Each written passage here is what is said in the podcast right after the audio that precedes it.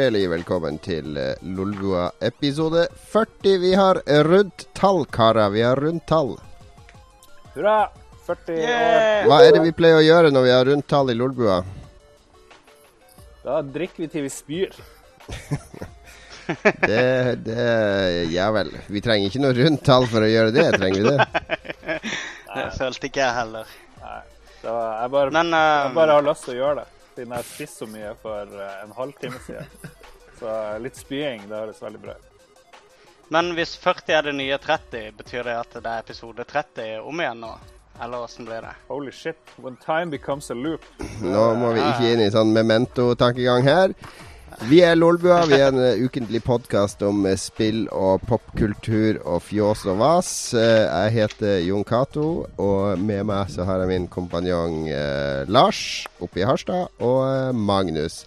Og vi har en spesialgjest i dag. Kan ikke du introdusere han Lars, siden han sitter i naborommet ditt? Hvis jeg roper høyt nok, så kommer det inn i mikrofonen til Mats, som er nå eh, driver og leier slash bor. Eh, han leier hele huset, egentlig.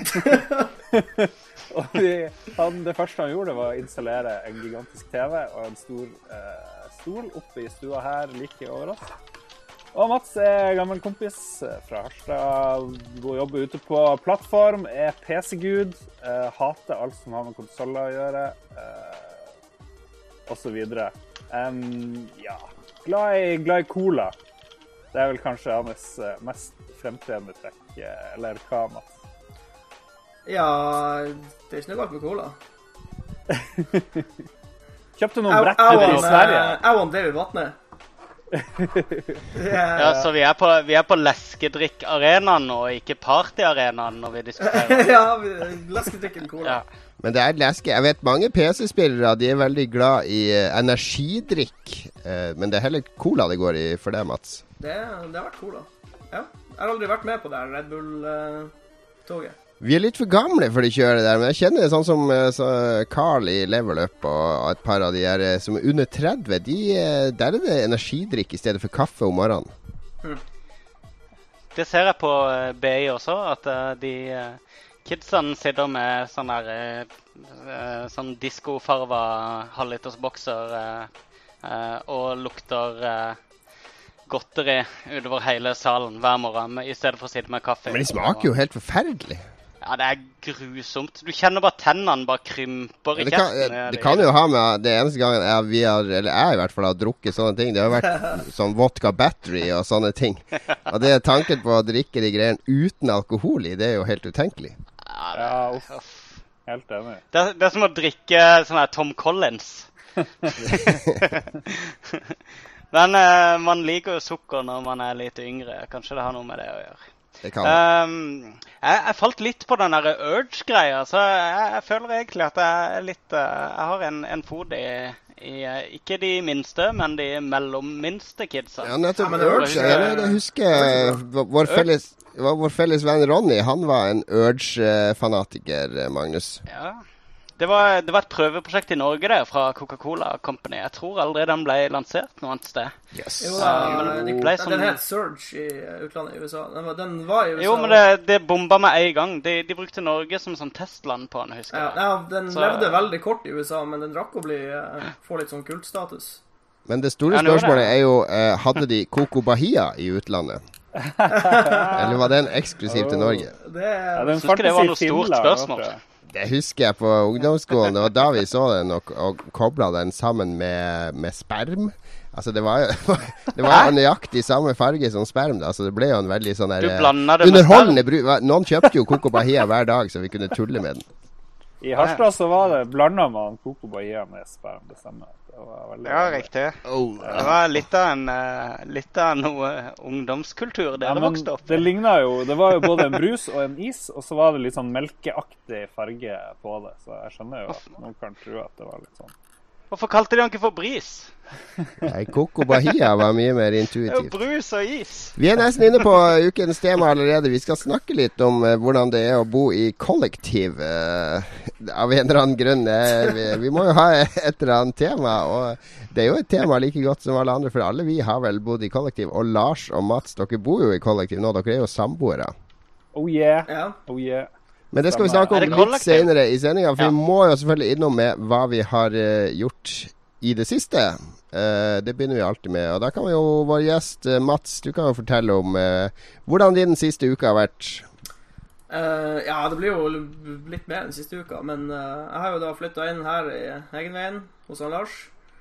Uh, fått gamle gamle gutterommet hans, så dette er min nye Nerdcave, hvor jeg holder til. Eh, så har jeg vært ute på øya utenfor Harstad, Rolløya. Der holder eh, familien min på å pusse opp hytta. Eller sommerhus er det vel strengt tatt. Det er litt større. Jaha. Så da har jeg vært ute og fiska og, eh, og vært eh, skremmende eh, Jeg, jeg hørte flere som har sånn sommerhus i Nord-Norge. Hva er poenget med å ha et hus du får brukt to uker i året? Nei, det er et forbanna godt spørsmål. Men eh, jeg tror foreldrene mine har tenkt å bruke det mye mer enn bare litt to uker i året, for å si det sånn. De har, okay, okay. de har tenkt å være der ganske mye på somrene, men så har det vært eh, slitt og gammelt. Så nå har de hevet seg rundt og pussa opp alt, sånn at, de kan, eh, sånn at det er fint der. Men det er det er veldig, det er veldig fint der ute, så eh, Ja, ja, jeg tror jeg kjenner mange fine sommerhus der oppe. Men åssen er det å bo hos eh, Lars? Nei, altså, vi har ikke krangla så mye ennå. så det går Jeg syns det går kjempefint. Hvor mye må du betale for å bo der? Det er hemmelig. Nei, det er ikke hemmelig? Det er, det er jo husleie du betaler. Det er jo ikke noe hemmelig. Det står jo i boligannonsen at hvor mye det koster. Jeg, betaler gjennomsnittet i Harstad. Jeg, vet- ikke.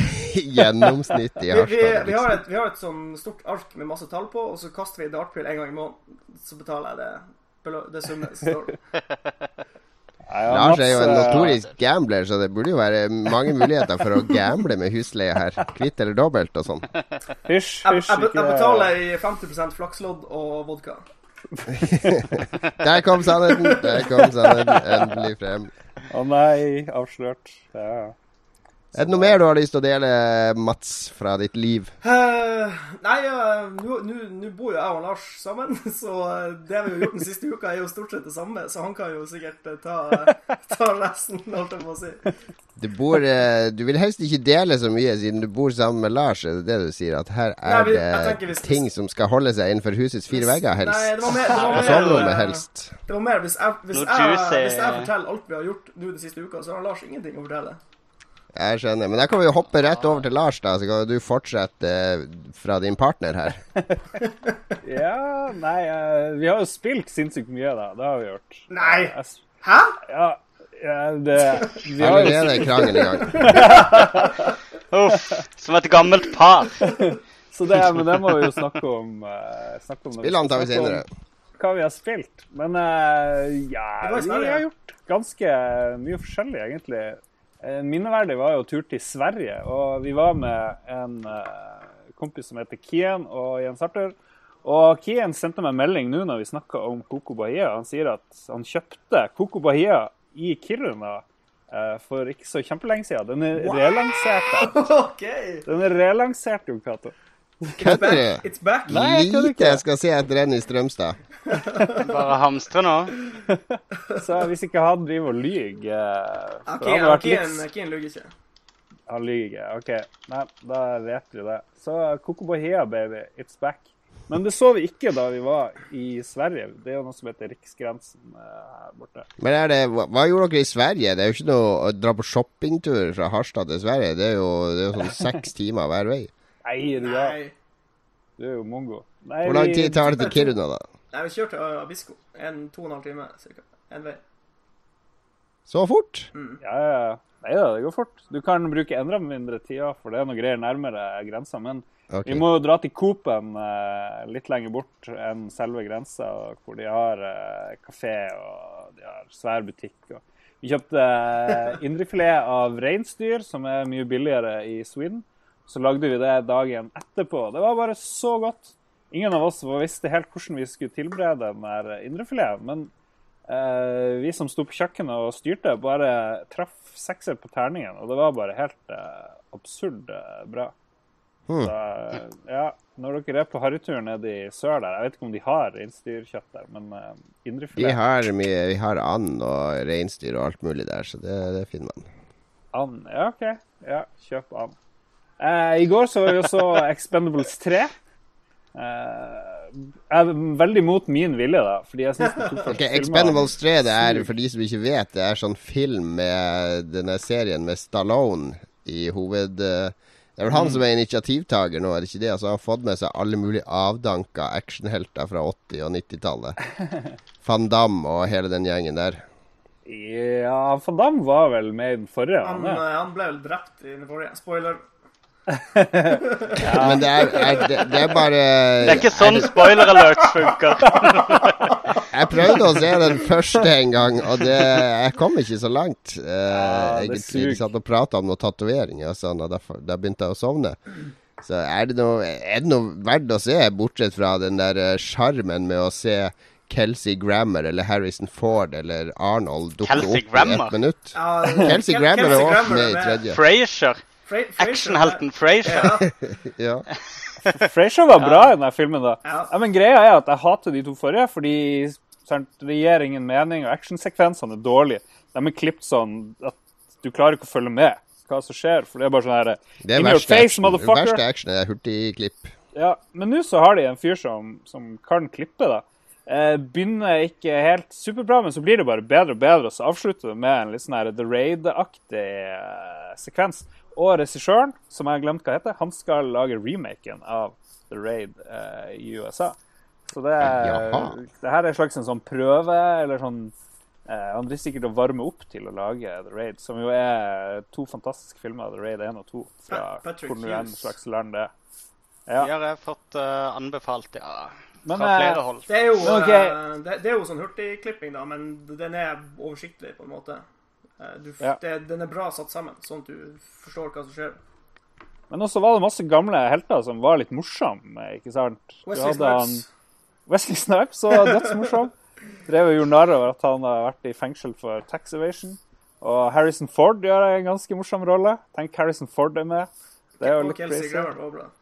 Kelsey Grammer var bra, og han Antonio Banderas Ja. var bra. han, er jo, han kan jo spille, ikke sant? Jeg spiller ikke han bare den katterolla si fra Shrek-filmene? Ja, ja. Puss in Det er det jeg leste på nettet. Han bare gjentar Puss in Boots-rolla uten eh, eh, animasjon. Nei da. Nei da. Nei da. Det, det, man kan kanskje se en viss likhet, men det er ikke det. Men sant, fordi de forrige filmene, Mitt problem var jo at du hadde bare de her eh, eh, sånne levende pappeske som ikke kunne spilles veldig bra. Ja, ja, ja. Rolf Lundgren og eh, Stallone er jo for så vidt OK, men hvem bryr seg? Men nå hadde de fått litt flere folk som kan spille, og de får lov å gjøre, ha det litt gøy, da. Eh, Så eh, nei da, jeg gikk ut med et stort smil om munnen, og det var kanskje etter Guardians of the Galaxy. Det her er jo store ord, eh, men så er det den mest positive kinooverraskelsen. i hvert fall, Jesus lord. Jeg var, eh, Jeg, jeg ville ikke tatt så hardt i, men eh, det Ja. Det var, jeg, jeg ble positivt overraska. Jeg trodde den skulle være søppel, men den var ikke søppel. It's good. Ok, ok. Men jeg har ikke vært på noen kino i det siste. Jeg har ikke sett noe film som jeg kommer på, men jeg har uh, spilt noen uh, kule nye brettspill. Spesielt ett som jeg har spilt mye med min familie, som heter Robinson Crusoe. Uh, jeg snakka ikke om det i forrige episode, gjorde jeg det? Nei. Nei. Nei, Nei, Robinson da var det Crusoe Sherlock Holmes. Ja, det er sånn samarbeidsspill der vi er fire stykk som er stranda på en øde øy. Og så er det sånn historiespill der man skal trekke sånne randome eventskort hver dag. Det kan skje alt mulig. Det kan f.eks. skylle et lik opp på stranda fra det skipet vi var på. og Da blir alle litt deppa, og så må vi bruke tid på å grave det ned for at vi ikke skal bli deppa og redd osv. Så, videre. Så man må sanke mat, og man må sanke tre, og man må gå på jakt. Og, og det er farer overalt. Man blir skada hele tida. Man passer på hverandre. Man må hvile seg og rydde i leiren for å få opp moralen. Utrolig intenst og spennende sånn kult samarbeidsspill, da. Der man hver dag må disponere kreftene sine riktig og, og prøve å bygge pil og bue og alt mulig. Uh, og det jeg, jeg liker vanligvis ikke sånne samarbeidsbrettspill. Jeg vet ikke om dere har spilt mye av de. Sånn, det finnes noe sånn der Kutulu-samarbeidsbrettspill. Ja, jeg, jeg spilte en del Arkham Horror. ja, Problemet mitt med Arkham Horror og mange andre sånne samarbeidsbrettspill er at det er alltid en sånn alfagamer med å spille. Og han alfagameren han sitter og sier han, nå må du gjøre det, og så må du gå dit, eller så dør vi. Nå må du gjøre det, og må- så må du ta en sånn, for det er best for gruppa. Og så kan du gi den til han. Og så blir du bare sittende der, fordi han alfagamer han er ofte flink. Her i Oslo så heter han Frank, og når han er med i sånne spill, så skjønner han Han skjønner reglene, og han skjønner konsekvensene, og han tenker tre hakk lenger fram enn alle oss andre. Så han styrer hele spillet. Men i det spillet her så er det ikke det er ikke åpenbart alltid hva som er det beste å gjøre. Eh, det er ofte to eller tre ting man har å være med. Sånn at der blir hver enkelt person mye mer personlig investert i valgene man tar. Så det er et samarbeidsspill der alfagameren ikke får lov å dominere. Og det er positivt i min bok. Takk, så morsomt ut. Um, bra uh, replayability? Altså kunne spille det flere ganger uten at det? Ja, det er seks sånne ulike scenarioer, eller historier, og der man velger ut kort og, og ting og tang. Og har ulike objektivs i hvert. I det første så skal man bare klare å bygge et digert bål innen det har gått 15 dager. Nei, 12 dager. Ja, da må man sanke masse, masse, masse ved. Og, og samle det inn sånn gigantisk bålpøl. Vi har ennå ikke klart det oppdraget, selv om vi har spilt det tre ganger. Men det neste, der er øya full av demoner, så må man drive og bygge kors for å eksorsere eh, For å drive ut de demonene. Og så er det ett der øya er full av kannibaler. Så det er liksom helt forskjellige oppdrag, da. Så, så det er masse replayability. Det er det. Så det kan jeg anbefale. Jeg skal sikkert anmelde det om noen uker på gamer.no, så da kommer det en mer utdypende innføring i spillet. Men det andre jeg har gjort, eh, er at jeg begynte å se på en eh, TV-serie som har hørt par folk har sagt det er ganske kul, men det er egentlig ikke så mange som snakker om den. Den heter Weep. Har dere sett den? Uh, ja. Det er den med hun eh, Elaine fra Seinfeld, Seinfeld og det er Julia Ja, ja. Hun er, hun er visepresident. Kjempeserie. Og så er han der eh, Han ene fra Arrested Development er jo den der nærmeste assistenten og Ja, den er kjempemorsom. Jeg hadde ikke trodd den skulle være så morsom. ja, jeg har bare sett noen episoder, men det er, det er liksom verdt å kjøre på. Ja, det er litt sånn Det minner meg om eh, Det, det er sånn derre De tar den der Westving, og så bare gjør de det mye mer absurd. Og så er de så utrolig skitne i språket òg, da. De, de, er så, de er så grove i språket, alle. Når de liksom står og holder sånn tale, og så snur de seg og skal si noe, så er det bare sånn der, de verste tingene som jeg, som jeg nesten blir Kanskje jeg som blir gammel, jeg blir nesten så flau av å høre på. Det er vel sånn flau-TV. Det er vel det. Ja. Nei, En briljant serie. Den går på HBO Nordic, som har verdens verste app og interface og grensesnitt. Men uh, jeg betaler for skiten, og da skal jeg se, se det de har òg. Ja. Damn right. Uh, er det en HBO-serie? Ja, Eller er det- Jo, det er HBO-serie, faktisk. Ja, riktig. Ja, men de har en del eh, De har litt sånn Friends. Ja, den har jeg HBO. Ja. Faktisk. Produksjon. ja, men de har jo bare sånn to episoder Nei, to sesonger eller noe. Det, er, det ligger tre ute på HBO Nordic nå, så fjerde kommer Ja, vel snart. Så det er vel syv på Netflix. Eller det er vel alle ti nå på Netflix. tror jeg. Av Veep? Nei, uh, nå snakker jeg om Friends. Ja, Friends. Så- Ja, jo, de ja. kjøper og leier jo noen som går går inn og ut av de seriene. Men, Ja, eh, men eh, nok om det. Hva har du gjort i det siste, Magnus? Um, going nowhere fast er det et uttrykk som heter. Det er litt sånn fellesnevneren på alt jeg har gjort. Jeg, jeg har ikke vært så konstruktiv rent sånn her. Jeg, jeg har liksom ikke noe å skrive i dagboka om hva jeg har gjort den siste uka. Men jeg føler ikke men jeg føler ikke jeg har stått stille et sekund. Ser du, altså De som har kamera, kan du se de her posene under øynene mine. Kan du se det? De kommer det, det, Jeg ser det nå for første gang, faktisk. Men eh, Du har det- ebola, det- det er ikke at du er sliten. det er ebola. Så det hadde jeg tenkt OK, tusen takk, Lars. Det hadde jeg tenkt å fortelle om først når det begynte liksom å, å utbre seg litt og bli litt mer interessant å se på. Men, men greit, jeg har fått ebola siden sist. Det er det jeg har gjort. OK, sorry. Nei, Men- som vanlig har jeg ikke noe liv. Og uh, eh, som vanlig så skal jeg prøve å love å gjøre noe spennende neste gang. Jeg tror faktisk jeg vil ha noe å fortelle neste gang. Hvis uh, timeplanen går opp. Vi håper det, vi håper det. Vi kan vel gå fingrene. Ja, hvis, hvis du ikke har noe alvorlig å meddele, så får vi bare hoppe rett inn i ukens tema. Det er nemlig kollektivdiskusjon. Uh, et kollektiv det er jo eh, som de fleste sikkert vet, når man bor eh, sammen med andre. Man deler en leilighet eller et hus, eller og gjerne bo, ikke bo sammen med foreldre og sånn snakker om, eller unger, men når man bor sammen med andre på samme alder og skal dele kjøkken og bad og forpliktelser og husleie. Og det var jo eh, For oss var jo det en sånn her drøm i flere år, Lars, når vi bodde i Oslo. Ja, det var det.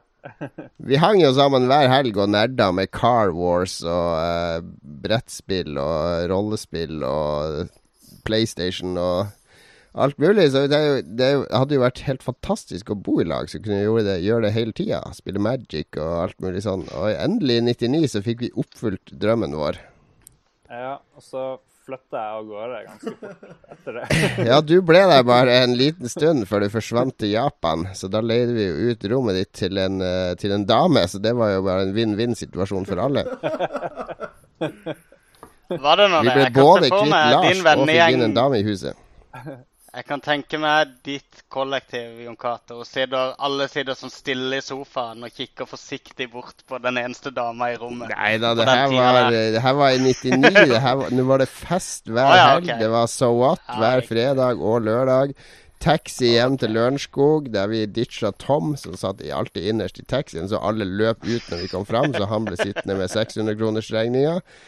Det det var Det var good times. Det var moro i det kollektivet. Jeg har masse gode minner av det, men jeg har også minner om uh, det, der, eh, det kjøkkenet som aldri, absolutt aldri var rent. Den ene kasserollen som han ene hadde laga ris i, der, der den risen begynte å leve etter noen måneder. Den var fortsatt hvit, men den drev bare og kravla rundt der nede i bunnen.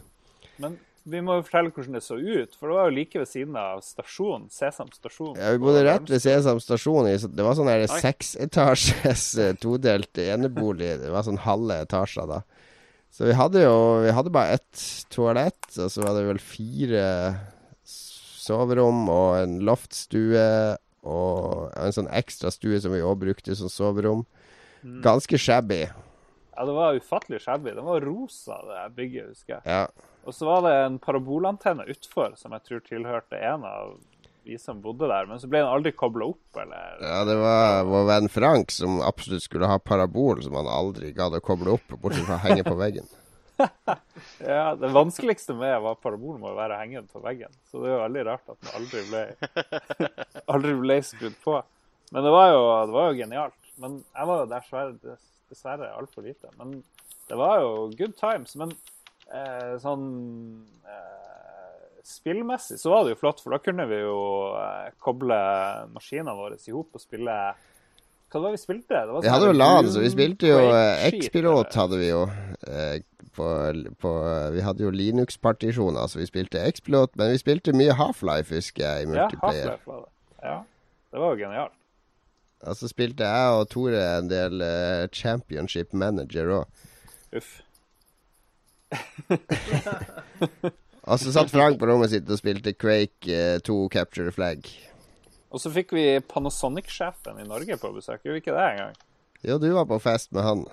Ja. Tok ikke han med oss tilbake? Tok ikke, jeg jeg syns han Jeg mener, var der på festen. og prøvde på et eller annet der, men Nei, det var Men det er, det er en fin tid å bo i kollektiv, fordi da kan man eh, Da har man hele tida noe å gjøre på fritida. Hvis man kjeder seg, så kan man bare gå og henge med han i naborommet, eller han i rommet under. Altså hvis man har litt brettspill eller kortspill eller data Det er alltid noe å finne på. Man rekker aldri å kjede seg. Jeg husker vi terroriserte, eller jeg terroriserte han som bodde i naborommet mitt. For han var der bare hver helg. Han jobba i Danmark, og så satt jeg en eh, Jeg satt en radio på, eh, på en viss kanal som jeg gjemte under senga hans, og satt på veldig lav lyd. Og han som bodde i rommet under, han hadde fått seg dame, så han var bare hos dama si. Så jeg skrudde på stereoanlegget hans på samme radiokanal, da, bare litt høyere, i det rommet som var rett under han eh, som jeg terroriserte. Og så til sist så hadde jeg en transistorradio som jeg gjemte i en jakke som hang på rommet hans. Så da han skulle legge seg den, natta han kom hjem, så lå han der, så plutselig hører han sånn svak musikk og sånn fra et eller annet sted. Så tror jeg det er naboene utenfor, da. Så han ligger og hører litt, og så skal han lukke vinduet, og så er det jo den lyden der fortsatt. Og så finner han den der radioen i den jakken, så yes, endelig har han slått den av. Så går han og legger seg, og så er det fortsatt musikk der. Og så skjønner han ingenting. Og så går det en stund, og så finner han den under senga. Så yes, endelig skal han legge seg. Og Så er det fortsatt musikk der nede ifra, og da er det jo det rommet under, da. Så det var sånn trippel, uh, trippelprank. Det der er bare for de som ikke kjenner Jon og hans uh, litt mer slemme venner, så er det der helt typisk for å gjemme sånne vekkerklokker. Skru opp ting i veggen og skru igjen. Og Jeg var en skikkelig prankster i mine yngre dager. Reneste Billy. Har du slutta med Får ikke ungene dine unngjelde med pranks og sånt? Ja, jeg bruker å lyge til de, fortelle de sånn feil informasjon. At jorda er flat og sånn. De er, jo, de er jo mer kloke enn deg, tipper jeg. Så det, det, Det er slett ikke umulig. det er slett ikke umulig. Men har dere, har du bodd i kollektiv, eh, Magnus? Jeg har bodd i en hel haug med kollektiv fra jeg var eh, 17. Og så hjem igjen, og så i kollektiv, og så i kollektiv i Oslo. Jeg har vel bodd i fire kollektiv i Oslo, tror jeg. Før jeg flytta for meg sjøl. Og aldri, aldri, aldri så meg tilbake. Men uh, Det er greia med masse- kollektiv for jeg kunne aldri flytta tilbake til et kollektiv. Om jeg hadde blitt skilt og mista barn og alt. Jeg kunne aldri gått inn i et kollektiv. Aldri. Nå, nå. Det er ikke så ille, da. I hvert fall når du er to. Det er jo, vi er jo rolige, og vi er to. Sant? Og det er jo knapt et kollektiv, ikke sant. Vi Det er et stort hus. Ja. ja. Ja, er det, er det et kollektiv når det er to, eller er det to Ja, som det må være mer enn to. Ja, må de ikke det? Jeg, Jeg tror føler det. kollektivet Ja, Ja. det er det, det er liksom ikke så mye konflikter når det er to. Men når du har Nå har de oddetallene i kollektiv Når du Ja, har liksom det må være mer enn to, som- fordi hvis du er bare to, ikke sant, og du ser at det står oppvest der, så vet du jo at det er han andre som ikke har tatt den. Det som skjer når det er tre eller flere, så blir det sånn at Nei, det var han. Nei, det var han. Altså, det, det er ingen som tar ansvar for dritten og rotet og alt det der, fordi alle skylder på alle andre. Den siste uka har vi nesten vært et kollektiv, for da har vi hatt folk her hele tida, egentlig. Ja, jo, det har vært ganske heftig hele tida. Men det er jo det som er fint òg. For du kjeder deg jo ganske sjelden. Ja. Eh, Det er liksom Noen finner på noe å gjøre. Eh, Og så er det bestandig masse drit å spise. For liksom hvis du er alene, så kjøper du litt sånn her candy av og til. Men jo flere det er der, så er det bare hele tida et eller annet. Så det er ikke godt for kropp og sjel. Det, er- det er vel det eneste minuset. Men ellers så syns jeg det er helt, eh, helt kult. Men jeg, ja, Mats, har du bodd bortsett fra her, da? Ja da. Eh, jeg bodde jo i kollektiv når jeg bodde i jeg studerte jo et år i Narvik, folkekurs til ingeniør. Da var det kollektiv, Ja. og det funka jævlig bra. Eh, men da var det litt mer Da var det fire stykker som delte et stort hus, for da hadde en veldig stor hybel. Eh, og så har jeg bodd i to kollektiv i Trondheim, og det siste kollektivet var litt sånn rølpete. da var det fire gutter. Over middels, middels interessert i dataspill og festing. Eh, og da ble det et sånn kjøkkenscenario hvor det var én som begynte å gi faen. Eh, og så prøver de tre andre å rydde unna, men så begynner de å gi litt faen, og så tar det bare helt av og blir om til en eh, biologisk eh, kjemilab hvor ingen tør å Kollektiv, kollektiv det kan kanskje defineres som det stedet hvor regelen om at uh, søpla ikke tømmer Eller den som velter søpla, må tømme den, gjelder. Det er, Det er liksom den universale sett noen fantastiske sånne hauger der folk har klart å balansere sånn, sånne pastillesker på toppen. av- Ja, ja, ja, det er det- det er skikkelig sånn her eh. Ja, jeg tror vi, Sånn hadde, vi, hadde et, eh, vi hadde et kott på kjøkkenet som var kanskje 3,5 kubi, eh, kvadratmeter. Eh, og det klarte vi å fylle med tomflasker. Sånn at det var liksom, når, når han sist ikke fikk igjen døra, da måtte vi gå og pante. Og jeg tror det var 1300 kroner i pant. Det var akkurat det jeg skulle si, at en annen ting med kollektiv er jo det der å gå og pante er jo et helt dagsprosjekt. ja, Som ja. bare gjøres sånn én eller to ganger i året. Men da er det jo da er det nok til å ha fest en hel helg, liksom. Får du inn da. Eh, første kollektiv jeg bodde i, da uh, Da klarte vi liksom å gjøre den feilen med at vi klarte å liksom akkumulere nok søppel til at det ble for mye til å fylle søppelkassa med, sånn at det måtte på dynga. Så, og da begynte det bare. Og vi bodde i et sånn ganske stort hus, så vi, vi fylte bare et rom med søppelsekker da, med søppel, så det var bare det rommet ingen gikk inn i. Um, og vi bodde sammen med en hund, og da var det en som uh, Jeg aner ikke hva han tenkte, men eh, da alle dro på jobb og skole og sånn, så Og vi skulle liksom låse inn hunden på et rom, så ikke hun eh, liksom beide i stykker hele leiligheten. Så, så låste han henne inne på søppelrommet. så, så da var det bare spredning. Så etter det så fylte vi vindfanget vårt med, med, med søppelkasser. Nei, med søppelposer. Da var vi, vi var vel 16-17 år gamle da, tror jeg. Det var ikke så mye ansvarsfølelse inne i bildet. Så da var det sånn at folk kom inn gjennom eh, havedøra fordi, for det var søppel i hele vindfanget. Hva du gjør Og vi hadde hadde så mye kompiser som bodde hos oss hele tida. Vi hadde fester og nachspiel hele tida. Det var liksom bare sånn, det var der alle hang, da. Og vi var en veldig stor vennegjeng, så da ble vi liksom dumpingplassen for hele Men hele 16 klanen, år, da. 16 år, er ikke det litt Ja, 17, 17 var jeg vel. Ja vel. Var du på, borte på videregående, eller hva det var som skjedde?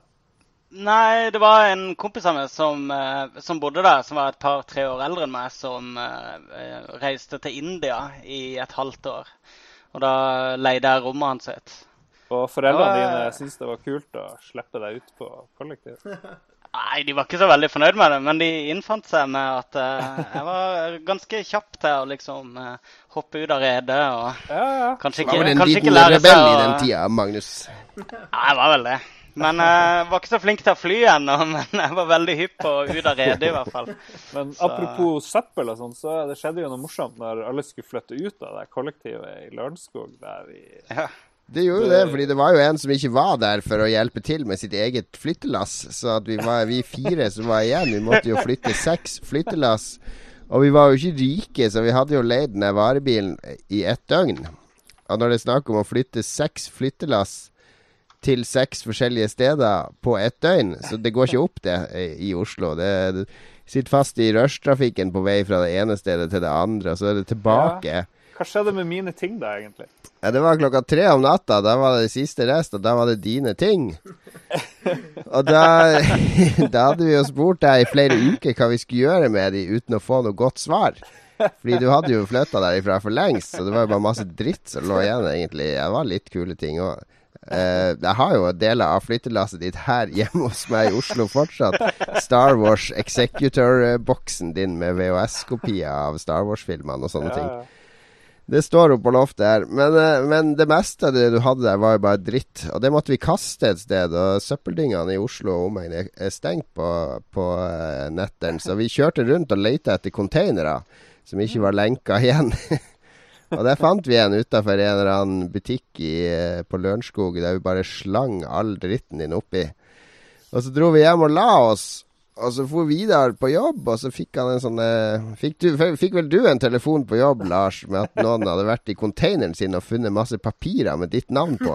Ja, jeg prøvde jo. Jeg var jo oppe i Harstad og hadde Fordi jeg hadde nettopp kommet hjem fra Japan og var helt blakk. Og så fikk jeg plutselig tilbud om en jobb i Harstad, så det var derfor jeg var her, da. Og så var jeg på jobb, og så ringer det, og så sier det at det er en fyr som sier jeg må troppe opp der og der eh, med en gang og fjerne dritten min, ellers så ringer han politiet. Og jeg prøvde jo først å være litt sånn eh, Hæ?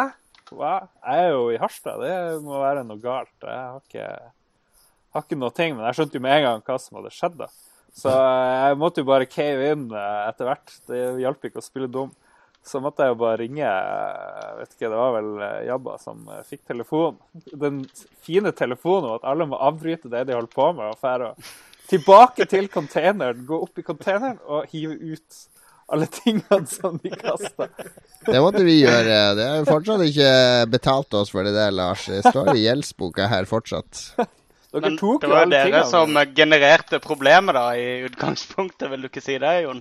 Ja, Vi kunne jo latt tingene til Lars stå igjen, så kunne han betalt leie til han der inderen som eide huset, hver dag han ikke hadde fjerna de. Det var jo alternativet. Det er, det er jo sant. Det som var fint, det som var fint var jo at noen tok vare på kanskje de mest verdifulle tingene mine. Sånn, det var sikkert en PlayStation og Nintendo og litt sånn her DVD-er og musikk og bøker og sånn. Men alle de bøkene og musikken og alt det der, det har jeg ikke sett noe til siden 1999. For det Altså, det litt, der, At det var så mye verdi Det var ikke noe PlayStation og Nintendo og sånne greier. Det var en masse skolebøker. Så var det en masse CD-er og CD-singler med Prodigy og sånn. De har jeg faktisk fortsatt. Jeg har kanji-bøkene og alle japanbøkene dine her. Og jeg har, uh, det- jeg har to skjorter Noen klær har jeg. Jeg bruker faktisk fortsatt den ene skjorta som er de. Den bruker jeg på fest rett som det. Den holder seg veldig bra. Ja vel. Nei, det var kanskje ikke så mye, mye bra. Men forresten, fant dere Jeg har hele tida anklaga en annen kompis for å stjele Magic-kortene mine. Men var det noe Magic-kort der? Kan du Nei, de fant jeg ikke. Jeg mista mine òg i den flyttinga der, så her tror jeg det er noen hordere som har vært og grabba til seg. Jeg, tror, jeg skylder enda på um, vår venn eh, Runekaren, som har stukket av med de der. der. Men ja, ja. Men eh, før vi forlater um, eh, Tema. Kollektivet. tema, hva er det verste kollektivet folk har vært i? Jeg kan jo si kjapt, jeg var i et forferdelig kollektiv i Stavanger da jeg studerte der. Han som eide det, var en stor hestkuk. Jeg husker jeg drev og drømte sånn hele, flere måneder om å kaste stein gjennom de store, dyre vinduene på han der eh, ingeniørkuken som var verdens rikeste fyr, men som ikke gidda å gjøre noe med det der eh, kollektivet. Og så prøvde jeg å komme meg ut av det, men jeg hadde jo skrevet under på et eller annet. Og han mente at eh, da måtte jeg være der resten av tida jeg hadde liksom leid for. Han var, selv om alle i universet leita jo etter eh, sånne type kollektiv i Stavanger. Det hadde ikke vært noe problem å få nye folk. Så det, og så bodde jeg med to damer. og Det beste var jo at det kom en naken dame inn på rommet en dag, husker jeg. Eh, Det var det beste, men ellers Ja var det bare drit. Ja, det var sånn Ja tilfeldig. Og da sa du 'hei, mamma'. Nei. Tenker du på mor di når du ser ei naken dame? Nei, hun var nice. Hun var nice. Men ellers så var det dritt. Har dere noen noe horror stories fra Jeg har bare bodd i det Lørenskog-kollektivet, men jeg hadde jo eh, Jeg var så heldig når jeg flytta til Oslo at min bestemor hadde sånn sommerleilighet eh, rett ned for Bygdøy allé, faktisk, eh, i fineste vestkant. Så jeg fikk bo der når jeg studerte i Oslo, så jeg kom meg aldri på studenthybel eller noe som helst. eh. Og når de andre, mine venner, Espen og Vidar og mange av våre felles venner, de flytta jo et kollektiv opp i Holmenkollen en gang, som jeg besøkte hver helg. Og det var jo et helvete, fordi jeg, jeg sykla jo da jeg var så gjerrig. Jeg ville ikke ta T-bane og bruke penger på sånn. Så det var, og det her kollektivet her lå jo 270 meter over havet. Jeg bodde jo rett nede ved havet. Så det var, var en rimelig heavy tur opp dit. Jeg måtte dusje hver gang jeg dro opp og besøkte de og sånn. Men det kollektivet de bodde i, det var Altså, Holmenkollen er uh, møkkasted. Jeg kjenner flere som har bodd der, og de hater det alle sammen. De hadde bl.a. en bil der oppe som de hadde parkert ute ved veien. Og hvis de hadde parkert den ved fortauet utafor hos naboen, så kom han og satte lapp på vinduet at eh, det skulle ikke stå biler utenfor huset deres. Jo, men det var offentlig vei og fortau. Nei, men det var utenfor huset deres, så skulle de ha til gjestene sine. Så Frank han for og flytta riktig. den der bilen sånn to-tre ganger i uka, fordi uansett hvor han satt den, så sto den utafor noen sitt hus. Selv om det var kommunal vei. Og fikk de her eh, Post-It-lappene. Det der passiv-aggressive eh, Holmenkoll-nabotonen. Alle hater hverandre der oppe. Og så bodde det i tillegg han hus, Sønnen til huseieren bodde jo i kollektivet til, til de karene. Han skulle egentlig ikke bo der da, det fikk de beskjed om når de flytta inn, men han ble bare boende der. Og tok dusjen og Ja, det var Det var, det var et kjipt kollektiv, egentlig. Jeg har masse dårlige minner fra det huset. De beste minnene jeg har, det var når jeg var der til sånn tre-fire-fem-tida på natta. Og så skulle jeg sykle hjem, og det er deilig å sykle fra Holmenkollen og hjem midt på natta i Oslo. Jeg husker jeg prøvde Jeg klarte det med bare å bremse tre ganger. Det var om å gjøre å bremse minst. Jeg hadde sånn intern konkurranse da. Det var en del farlige krysspasseringer, men, men det var om å gjøre å komme ned med minst mulig bremsinger. Ja, I like måte så var det jo et helvete å komme hjem fra den der leiligheta di midt på natta med å sykle opp med to gir på mamma sin gamle sykkel. opp Opp til Sognsvann ja. Ja, fy faen. Oi, oi, oi. Men det er eneste kollektivet jeg har hatt noen nærkontakt med, bortsett fra vårt på Lørenskog. Eh, men eh, Magnus har kanskje noen flere skrekkhistorier. Jeg føler jeg allerede har, eh, jeg har gravd ganske dypt i søppelposen når jeg, jeg allerede Ja, det hørtes sånn ut. Et av de verste kollektivene bodde jeg egentlig ikke i sjøl, men jeg bare hang der hele tida. Vi var som sagt en ganske svær gjeng da jeg vokste opp, eh, som guttegjeng. Og eh, det var et sted som bare ble kalt for Krogeslottet i Kristiansand. Som var en sånn gammel villa eh, som lå veldig fint her, rett med noe som heter Bellevue. Det var typisk, det var liksom eh, tatt av tyske offiserer under krigen og sånne ting. Så det var egentlig et sånn gammelt så herskapshus. gammel sånn herskapsvilla som bare var Ja. totalt forfalt. Sånn rådden greie. Skikkelig sånn trainspotting-look på det. Liksom sånn her tidligere fint, bare råttent. Uh, og det var et sted hvor vi ja, jeg, tror, jeg tror alle som bodde der, eller hang der, lærte seg å liksom vaske hjemme og holde det ryddig og sånn etter det. da. Du lærte litt om hygiene. Og da hadde Du liksom, du hadde en tallerken ute i den ene stua hvor det bodde en fluefamilie som fløy over der hele døgnet, hele året. Og så var det ei gryte på komfyren som ingen rørte. Eh, da de skulle flytte ut, og det var det jeg egentlig skulle frem til Da de skulle flytte ut, så var det en kompis av meg som Det er noe av det rareste jeg har sett, for det var så spontant. Han tok den gryta, så tok han av lokket, og så spøy han momentant sånn det var, Og sånn var liksom hele huset. Det er et av de rådneste stedene. Det høres helt forferdelig ut. Aldri mer Det var et eh, band som flytta inn der etterpå. Og det holder de på å lage spillefilm om nå. Sånn her uh, norsk sånn her feel good-komedie om et sånn her uh, eh, Kristiansandsband som, som, start, som bodde i kollektiv sammen og sånne ting. Og det er basert på det huset Var det. Life But How To Live It? Uh, nei, det var det ikke. Okay, okay. Det var et uh, sånn her uh, britpop-band som flytta inn der. Britpop-prog-band som flytta inn der etter oss. Ai, ai, Og ai, malte, malte veggene lyseblå, og det ble veldig rart. Ja, ja. Så det Kanskje vi skal eh, for, for du som hører på, det her er altså spillpodkasten Lolbua. som i dag har skjeva langt bort fra vår opptråkkede sti, men det er også litt av sjarmen med Lolbua. I hvert fall er det vi forteller oss eh, Det er det vi forteller oss sjøl når vi driver og vaser her. Eh, vi har snakka litt om hvordan det er å bo i kollektiv, og nå skal vi endelig tilbake til å snakke litt mer om eh, dataspill igjen. Eh, vi skal nemlig ha vår faste nyhetsspalte. Magnus Tellefsen, er du, eh, har du fått på deg slipset og eh, øvd inn eh, teleprompterstemmen din? Uh, ja, vi sier det. Vi sier det. Den er alltid Jeg har, jeg har slipset på innsida, lir jeg å si. Slipset på innsida, det er lov. Sverdslukere, Yes. de, er- eller slipsslukere. Ikke sånn.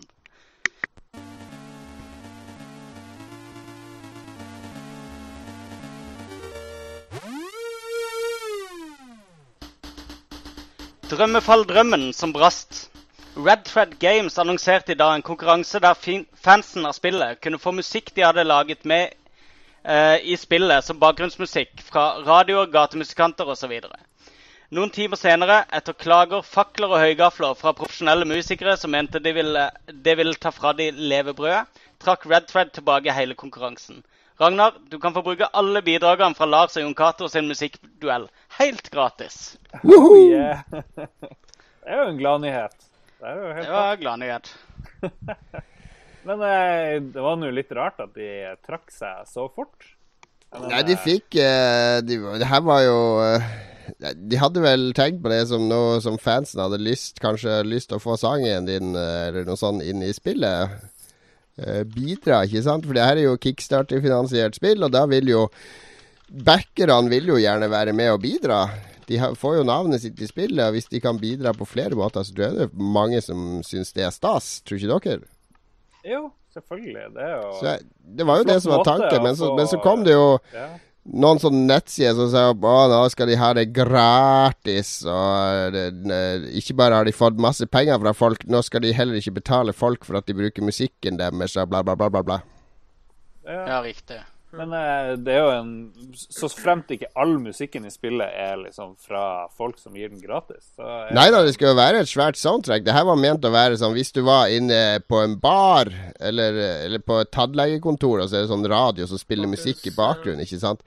Sånn svak bakgrunnsmusikk, eller en gatemusikant som står og spiller, eller et eller annet. Bare sånn musikk du går forbi, som en del av, av lydbildet. Ikke, ikke, ikke et lydspor. Nei, men det, jeg skjønner ikke problemet. Eh, hørtes så fremt ikke det er overdrevet. Så fuck it. Jeg syns òg det er overdrevet. Jeg syns, eh, jeg syns eh, de skulle bare ha fortsatt og, og ikke hørt på den der eh, surmaga kritikken.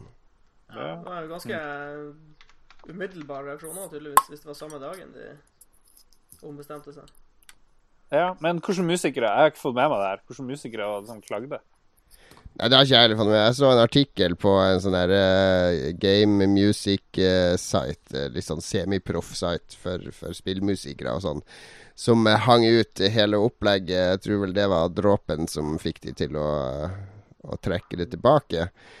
Uh, var en sånn typisk sånn spilljournalistikkartikkel der de bare skrev sånne ting som uh, uh, De bare tok utgangspunkt i det som skjedde. Altså I stedet for å sende en mail eller ringe og spørre de for å få dem til å utdype tanken bak, så bare sånn herre Ja, nei, nå skal de utnytte dette De bare hoppet til masse konklusjoner uten å sjekke fakta.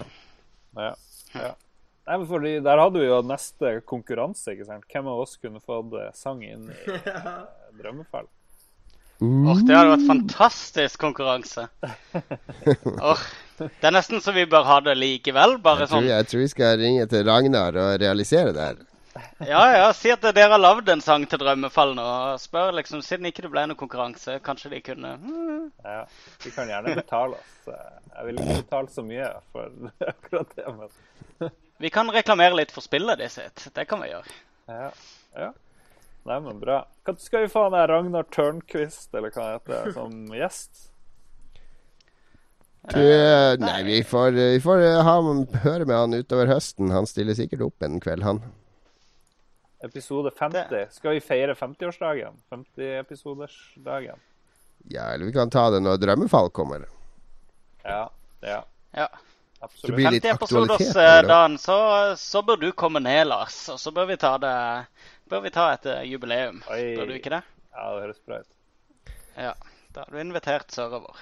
Veldig, veldig bra.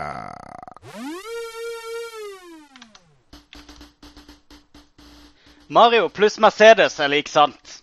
Nintendo annonserte i dag to nedlastbare pakker til Mario Kart 2. Hver pakke vil inneholde åtte nye baner, nye spillfigurer og nye biler. Blant annet kan Mario kjøre Mercedes. Annonseringa har splitta Nintendo-fansen. Enkelte gråter bitre tårer over at Nintendo begynner med DLC, mens andre jubler for å få enda flere baner til verdens beste kartspill. Ja. Og så er det ingen som griner over produktplassering i et Mario-spill. Nei. Ja, det var vel, det var Nei, vel på det, vil jeg tro. Har du her lest Ja, jeg vil jo også tro at uh, puritaner-Nintendo-fansen uh, ville uh, reagert men, på det. Den Mercedes-greien er vel ganske gammelt, egentlig? Det var mer ja, det var og... sånn Japan Det var ute i Japan for lenge siden. Det var ja. sånn japansk ja, reklamekampanje, egentlig. Ja, noe sånne Mercedes-kart-greier for lenge siden. Ja. Ja, riktig. riktig. Jo, Mercedes er nå én ting. DLC Jeg skjønner ikke hvorfor DLC skal være et onde, egentlig, så lenge Altså, vi vil gjerne bruke tid på spillet etter vi har lansert det, og lage enda mer til spillet. Å nei, fysj! Vi vil ikke at spillet jeg elsker, skal få mer. Ja. Det var mange som reagerte på at uh, Destiny annonserte DLC før spillet kom ut. Jeg vet ikke. Er det, hvorfor har man problemer med det, egentlig? Det er litt annerledes. Ja, altså, For da får du en følelse av at Uh, da får du en følelse av at de allerede har på en måte ferdigprodusert innhold som de ikke tar med i lanseringa, for de har lyst til å selge det seinere. Men, men uh, folk er nødt til å roe seg litt og, og, forstå at det er ikke DLC de hater. Det er Day Zero DLC ja, de hater. Det er jo tanken uh, Altså, det finnes jo spill der du har kjøpt sånn Day Zero DLC, og så er det bare sånn fil på, på 400K som låser ja. opp innhold som allerede er på disken. Capcom hadde jo et par sånne spill. Jeg husker det. Og Da begynner du å snakke om Da skjønner jeg at det, man føler seg lurt. Men sånn som i det tilfellet her, så det her er jo noe som de jobber med. Det her er jo Den første pakken nå skal komme i oktober. Det er jo ting de driver og jobber med nå. Og den neste skal komme i mai eller noe sånt neste år. Altså det, det er jo tydelige ting Det er jo ikke noe de har laga ferdig. Det er noe som de bygger på. Og jeg vil jo heller ha Mario Kart 8 er helt fantastisk. Jeg vil jo heller ha flere baner til det spillet enn et Mario Kart 9. Som gjør at jeg må drive og bytte disk, eller ja. starte et nytt spill for å spille det. Og så må jeg starte det gamle spillet for å spille det. Ta det heller og Bygg det ut og få masse masse baner i det her spillet. Det blir et Mario Kart 9 til 600 spenn, som er nesten det samme som Mario Kart 8. Ja. Og så griner alle over at det er ingenting nytt. De kunne pakka det inn i en DLC og sånt. Ja, ja, ja, ja. Sånn alle sier om Fifa hvert år. Ja, Fifa kunne jo ut... Det kunne vært DLC i to-tre år på rad, og så kunne det kommet en sånn ordentlig ny Fifa. Ja, men de gjør litt sånn engine og fysikkendringer. Ja, det er, det er sånn små pusspirk her og der. Ja. Jeg tror de som spiller det, setter pris på det. Men uh, jeg ser ikke de der store greiene heller. Det skal jeg innrømme. Nei, DLC, jeg syns egentlig DLC tilleggspakka er helt uh, fint. Det som jeg uh, syns er litt Det er når det blir sånn uh, splitta opp i 100 sånne småting. Altså sånn mikrotransaksjoner. Hvis jeg måtte kjøpe en sånn hatt til Mario for uh, 30 eurosent, og den bilen for 90 eurosent og Ja, ja jeg, jeg, synes, jeg savner egentlig det gamle begrepet expansion pack, fordi DLC brukes som alt nå. Ja, men det her er jo expansion pack DLC. Det her er jo ja. nye baner, nye sjåfører, ja. nye biler. Ja, alt i én pakke. Jeg, jeg syns vi skal begynne å bruke flere ord om det. Altså, vi kan kalle eh, DLX. Ja, sånne, sånne, karakterer du unlocker, og sånne bitte små kosmetiske ting. Det kan være DLC. Og så kan DLX mm. være skikkelige utvidelser til spillet som gir deg mer levetid. Men marerittet til Nintendo-fans vil jeg tro er jo at uh, Du vet den nye Tekken-greia som kom nå, der var det jo bare to spillbare karakterer. Det var bare noen få spillbare karakterer, og så måtte du kjøpe hver enkelt karakter sånn som tilleggskarakter, ikke sant? Og det, det, det er jo marerittet til Nintendo-fans sikkert, at du kjøper neste Smash Bros, så er det bare to spillbare figurer. Ja. Altså må du kjøpe hver enkelt av det roosteret på 40 figurer for uh, eh, 2-3 euro hver. Ja. Men tilbake til det med Day Zero-greier. Bare for å være eh, argumentere den andre sida. La oss si du er sjefen i Bungie, eller du driver og sitter oppi der og skal lage planer, og så har du en viss antall mengde folk som du har til å lage spillet. Men så vet du at hvis du lager DLC, så kan du leie inn 50 eh, stykker eller 20 stykker til å lage ekstramateriale. Så leier du dem inn på Det har jo ikke noe å si hvilket tidspunkt du leier dem inn på. Men du vet at du får inntekter til eh, å betale de her eh, karene. Og så begynner du å lage masse DLC. Og så har du det tilfeldigvis eller planlagt klart eh, eh, kort tid etter spillets release. Du får jo mer innhold eh, til spillet, og du kan betale for det hvis du vil eller ikke. Jeg vet ikke. Er ikke det en måte å se på det òg. Jeg syns det kommer veldig an på spillet. Si. Sånn som i tilfellet Destiny, så det er det jeg ville kalt for et sånn living video game. Altså det er et spill som skal leve etter lanseringa, der utvidelsene skal bygge på historien og opplevelsen, der det er planlagt på en måte. At, at det skal leve videre gjennom oppdateringen. Uh, så men for spill som skal være sånn ferdige produkter, og få sånn Day Zero-DLC som bare er tre ekstra våpen og to ekstra kostymer og sånne ting da, Det er jo åpenbart ikke noe du har leid inn 50 mann eh, fra et eksternt studio for å produsere. Nei, men da er det jo litt teit hvis du bare kjøper inn ekstra Hvis det bare er kosmetisk. og ja, Se på Watchdogs, eksempel, så kom i sånn syv ulike versjoner. Der det var én time ekstra uh, spillinnhold i PlayStation 3-versjon, og det var ditt og datt i den versjonen, og det var den unike capsen Iconic uh, cap uh, i den versjonen. Og, jo, hva, vi er jo faen i det, da. Vi er driter jo i det. Gjør vi ikke det? Det er jo ingen av oss som har lyst på den der capsen.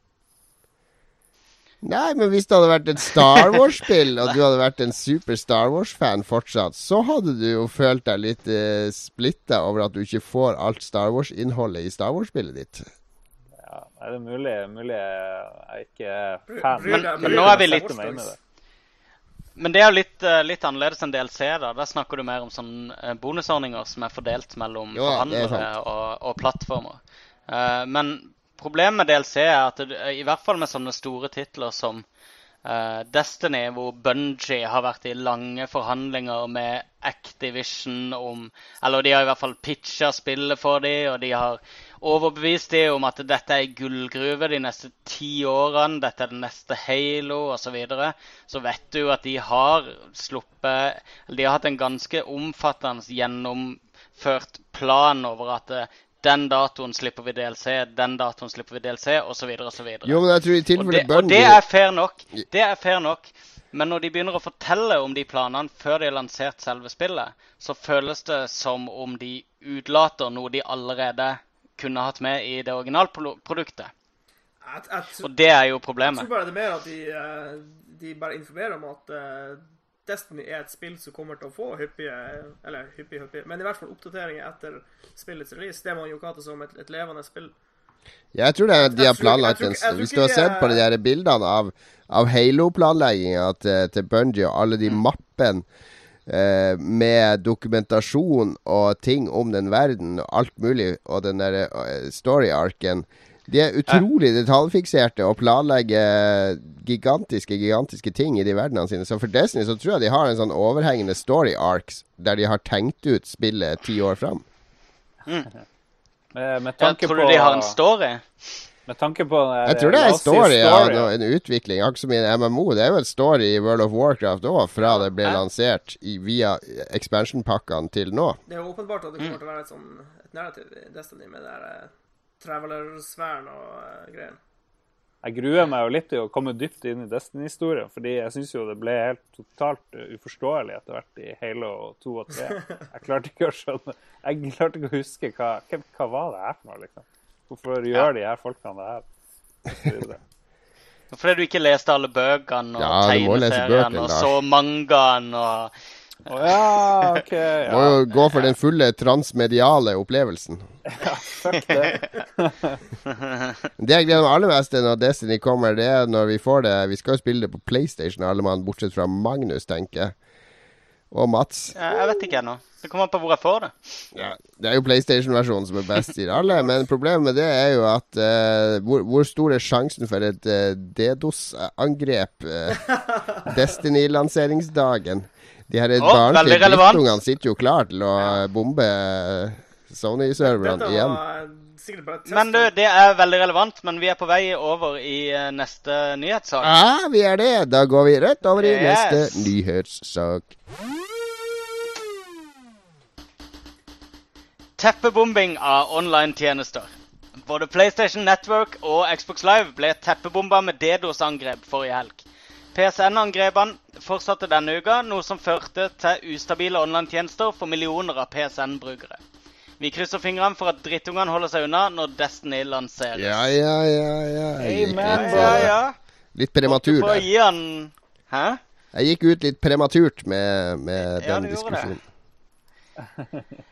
Ja. Hva, Um, hva er er årsaken nå? Har det vært noe Har Sony gjort noe dumt? Har de gjort noe dumt igjen, eller er det bare noen som sitter og kjeder seg som vanlig? De som har tatt på seg skylda for å ha disse DDoS-angrepene, de hevder at uh, grunnen til at de gjorde det, var at eh, Sony tar betalt for online-tjenesten, men ingen av pengene de får inn for online-tjenesten, går til å forbedre tjenesten. Og De mener at PCN PSN har veldig forbedringspotensial som burde uh, Og det burde vært høyere kvalitet for en betalingstjeneste. Det er vel de sine ord. Ja, det er det er bare å la være å betale for den, da. ikke det? Ja, jeg vet det. Helt tullete. Og altså, hva vet de om hvilke penger som går hvor? Har de liksom Jeg sånn syns ikke maten på McDonald's er bra, så jeg skal kaste murstein inn vinduet her. Jeg føler ikke at eh, pengene jeg betaler for denne cheeseburgeren, går til å forbedre oppskriften på sausen i Big Mac. Så det er at eh, fuck dere, brenner ned neste McDonald's jeg besøker. Det er, det er helt merkelig logikk over det. Ja, men Jeg fikk ikke med meg at Xbox Live var nede. Jeg, jeg leste noen nyheter der liksom fokuset var at Xbox Live ikke var nede, mens Ja, de var, var vel under angrep, men de holdt seg vel oppe, eh, mente jeg at jeg leste, i hvert fall. Det er vel det beste Ja, beviset på at PlayStation sitt eh, nettverk er ganske ræva i forhold til eh, Microsoft sitt, kanskje. Ja, men det er ekstra sårt for Sony, da, etter 2011. Men, men har ikke Activision gått ut og sagt at de har sånne military grade servers, og at eh, det skal, de skal være oppe når, når Destiny kommer, uansett? Så lenge du det er ikke risky å si. Ja. Det er risky å si. Det er som å si at jeg kommer aldri til å klare det. Det er, det er umulig å hacke. Ja, Vi har laga taggefri vegg på butikken vår, så det er ingen som kan tagge utenfor her. Ja. Så her har vi malt en blink på panna mi. Så nå er det bare å ikke skyte på den. Batman ble jo uh, utsatt for DDoS-angrep i helga. Ja, det stemmer. Det gjorde det. Alt unntatt uh, Heartstone gikk vel Men, ned. ja, det Det var var- mange Diablo-hardcore-charactere som jeg måtte bøte med livet. Men er ikke Ja. Hvordan er det med Activision? Er ikke de, har de noe med, med Blizzard å gjøre nå om dagene? Er det noen som vet det?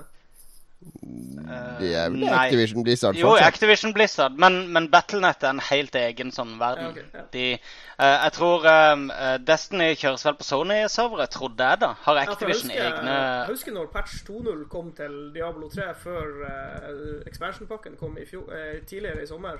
Det var, det, det var Ja. tidligere i sommer, var det ikke? Uh, ja. At expand, jo, ja, det var det. stemmer.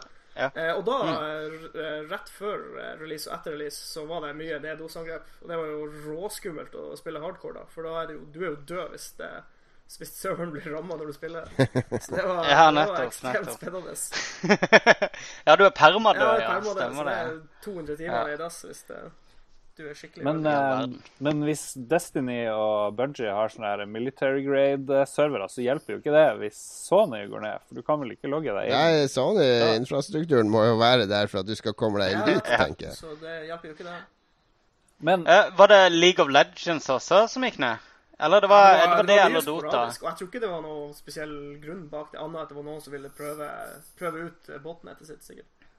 Magnus, Ja. Magnus, du som har vært mest på Xbox One her, er, hvor mye bedre er Microsoft sin online-tjeneste enn Sony sin? Nå tenker jeg bare sånn opplevelsen av å bruke det, og butikken og sånne ting. liksom. Uh, jeg vet ikke. Det er jo litt sånn på preferanser. Jeg, jeg syns de stiller ganske likt der. Jeg, jeg syns det er mer oversiktlig i uh, Xbox-storen. Eh, men jeg får jo um, ukentlig kritikk her i Lolbua for at jeg forstår Nei, hvordan- jeg er faktisk hvordan enig Microsoft med deg akkurat der, fordi den PlayStation Store er jo det Hva er greia med å bruke Du har en diger skjerm, du har 1080p oppløsning, så får du se to spill om gangen. Så det er gigantiske bannere til de spillene. Så du må drive og bla deg i hjel bortover. Det er jo helt ulogisk. Jo, men jeg er helt Ja. enig. helt enig. Så eh, de har jo et lite poeng, de her eh, guttene. Men Men, det går jo litt også på at Microsoft Altså Microsoft driver jo Altså, de har Windows. Eh, eh, altså Sony har ikke noe som ligner ikke sant, på den erfaringa Microsoft har med å bli bomba konstant av eh, ondsinna hackere. Eh, dette kan de. Og de, de serverne sine er garantert ikke bare Altså, eh, De kan også dette med å drifte server osv. Altså, dette er liksom sånn gammel business for Dette var den enkle delen, tror jeg, for Microsoft å, å eh, begi seg ut på når de heiv seg inn i konsollracet, liksom. Men, men eh, så, så det er ikke så overraskende at, at akkurat der at de scorer litt bedre. Men det er litt kjipt for Sony, som hva var det i juli endelig ble ferdig med det der forliket på 70 millioner eller noe sånt. Som de måtte ut med eh, etter alle de der eh, class action lawsuitsene pga. Hmm. Eh, Pga. at PSN gikk ned i 2011, da de var under angrep. eh, Og da det ble frastjålet millioner av brukerkontoer med passord og kredittkortinfo osv. Så, videre, og så, videre. så rent sånn, eh, Alle husker de der bildene av Sony-toppene som sto og booka. Jeg brukte det yeah, sikkert husker 50 ganger på spill.no. Hver gang det var noe galt om Sony, så var jeg oppe med det. Jeg fikk mye kjeft av brukerne for det. Uh, men ikke sant, det var jo krisetilstand for det. Uh, og det, altså det var, det var en mørk tid for Sony. Så det, at, at sånne ting skjer, det er et lite sånn gufs fra fortida som de, de ikke bør liksom være for, for mye innom igjen, tror jeg. For de sin image-del. Absolutt ikke. Og det er ikke så bra at hackerne går imot de heller, for de er liksom på, på gamerens side denne gangen av Sony. ikke sant? De har liksom scora disse her uh, street pointsene eh, denne, med PS4. Så jeg tror ikke akkurat det der med at, at det hackermiljøene begynner å kritisere de for ting og tang er så bra for de heller. Vær snille, Det er, det er. Lolbua sin uh, oppfordring. Vi skal uh, ha en uh, lite musikalsk avbrekk. Vi skal høre en uh, DJ Cutman. Han har vi spilt mye her. Han har remiksa litt musikk fra Halo 4. Han har til og med fått med seg en eh, rapper som faktisk rapper om Halo. Er eh, helt unikt. Vi koser oss med litt hiphop her i Lolbua. Tilbake om fire minutter. It's time to lace them up. This is not a drill. What we feared for years, I guess is finally real. There is no time to chill. DEFCON 4, an ancient enemy returns from an encore. But we gon' close the curtains and make this the final act. Return without a scratch, every one of mine intact. Wish I could promise that, but you know the deal. Some of us won't return, although I hope you will. Kill 'em and overkill, a soldier's oldest skill. Lay your life on the line so that I know it's real. This is the covenant, I'm not in love with it. The plan is clear and concise, I gotta run with it. Intense punishment Thought we finished the fight. A new danger arrives, but we end it tonight. This is the covenant. I'm not in love with it. The plan is clear and concise. I gotta run with it. Intense punishment. Thought we finished the fight. A new danger arrives, but we end it tonight.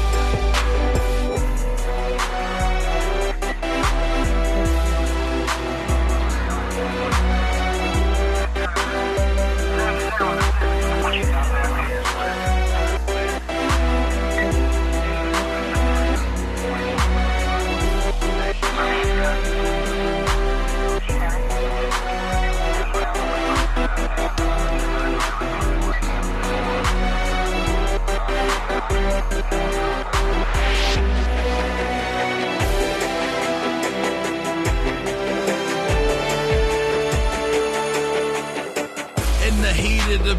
And now it's me and my team facing a threat that I never thought I'd see in the dream. Enemy in my sights, naturally I cock and squeeze. No time for copping, please, no never. That's not my steez. I'm on point, my partner is watching my six.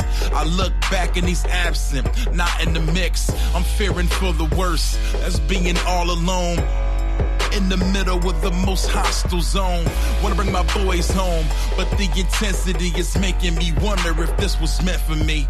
They say war is hell, and it's been going on for centuries.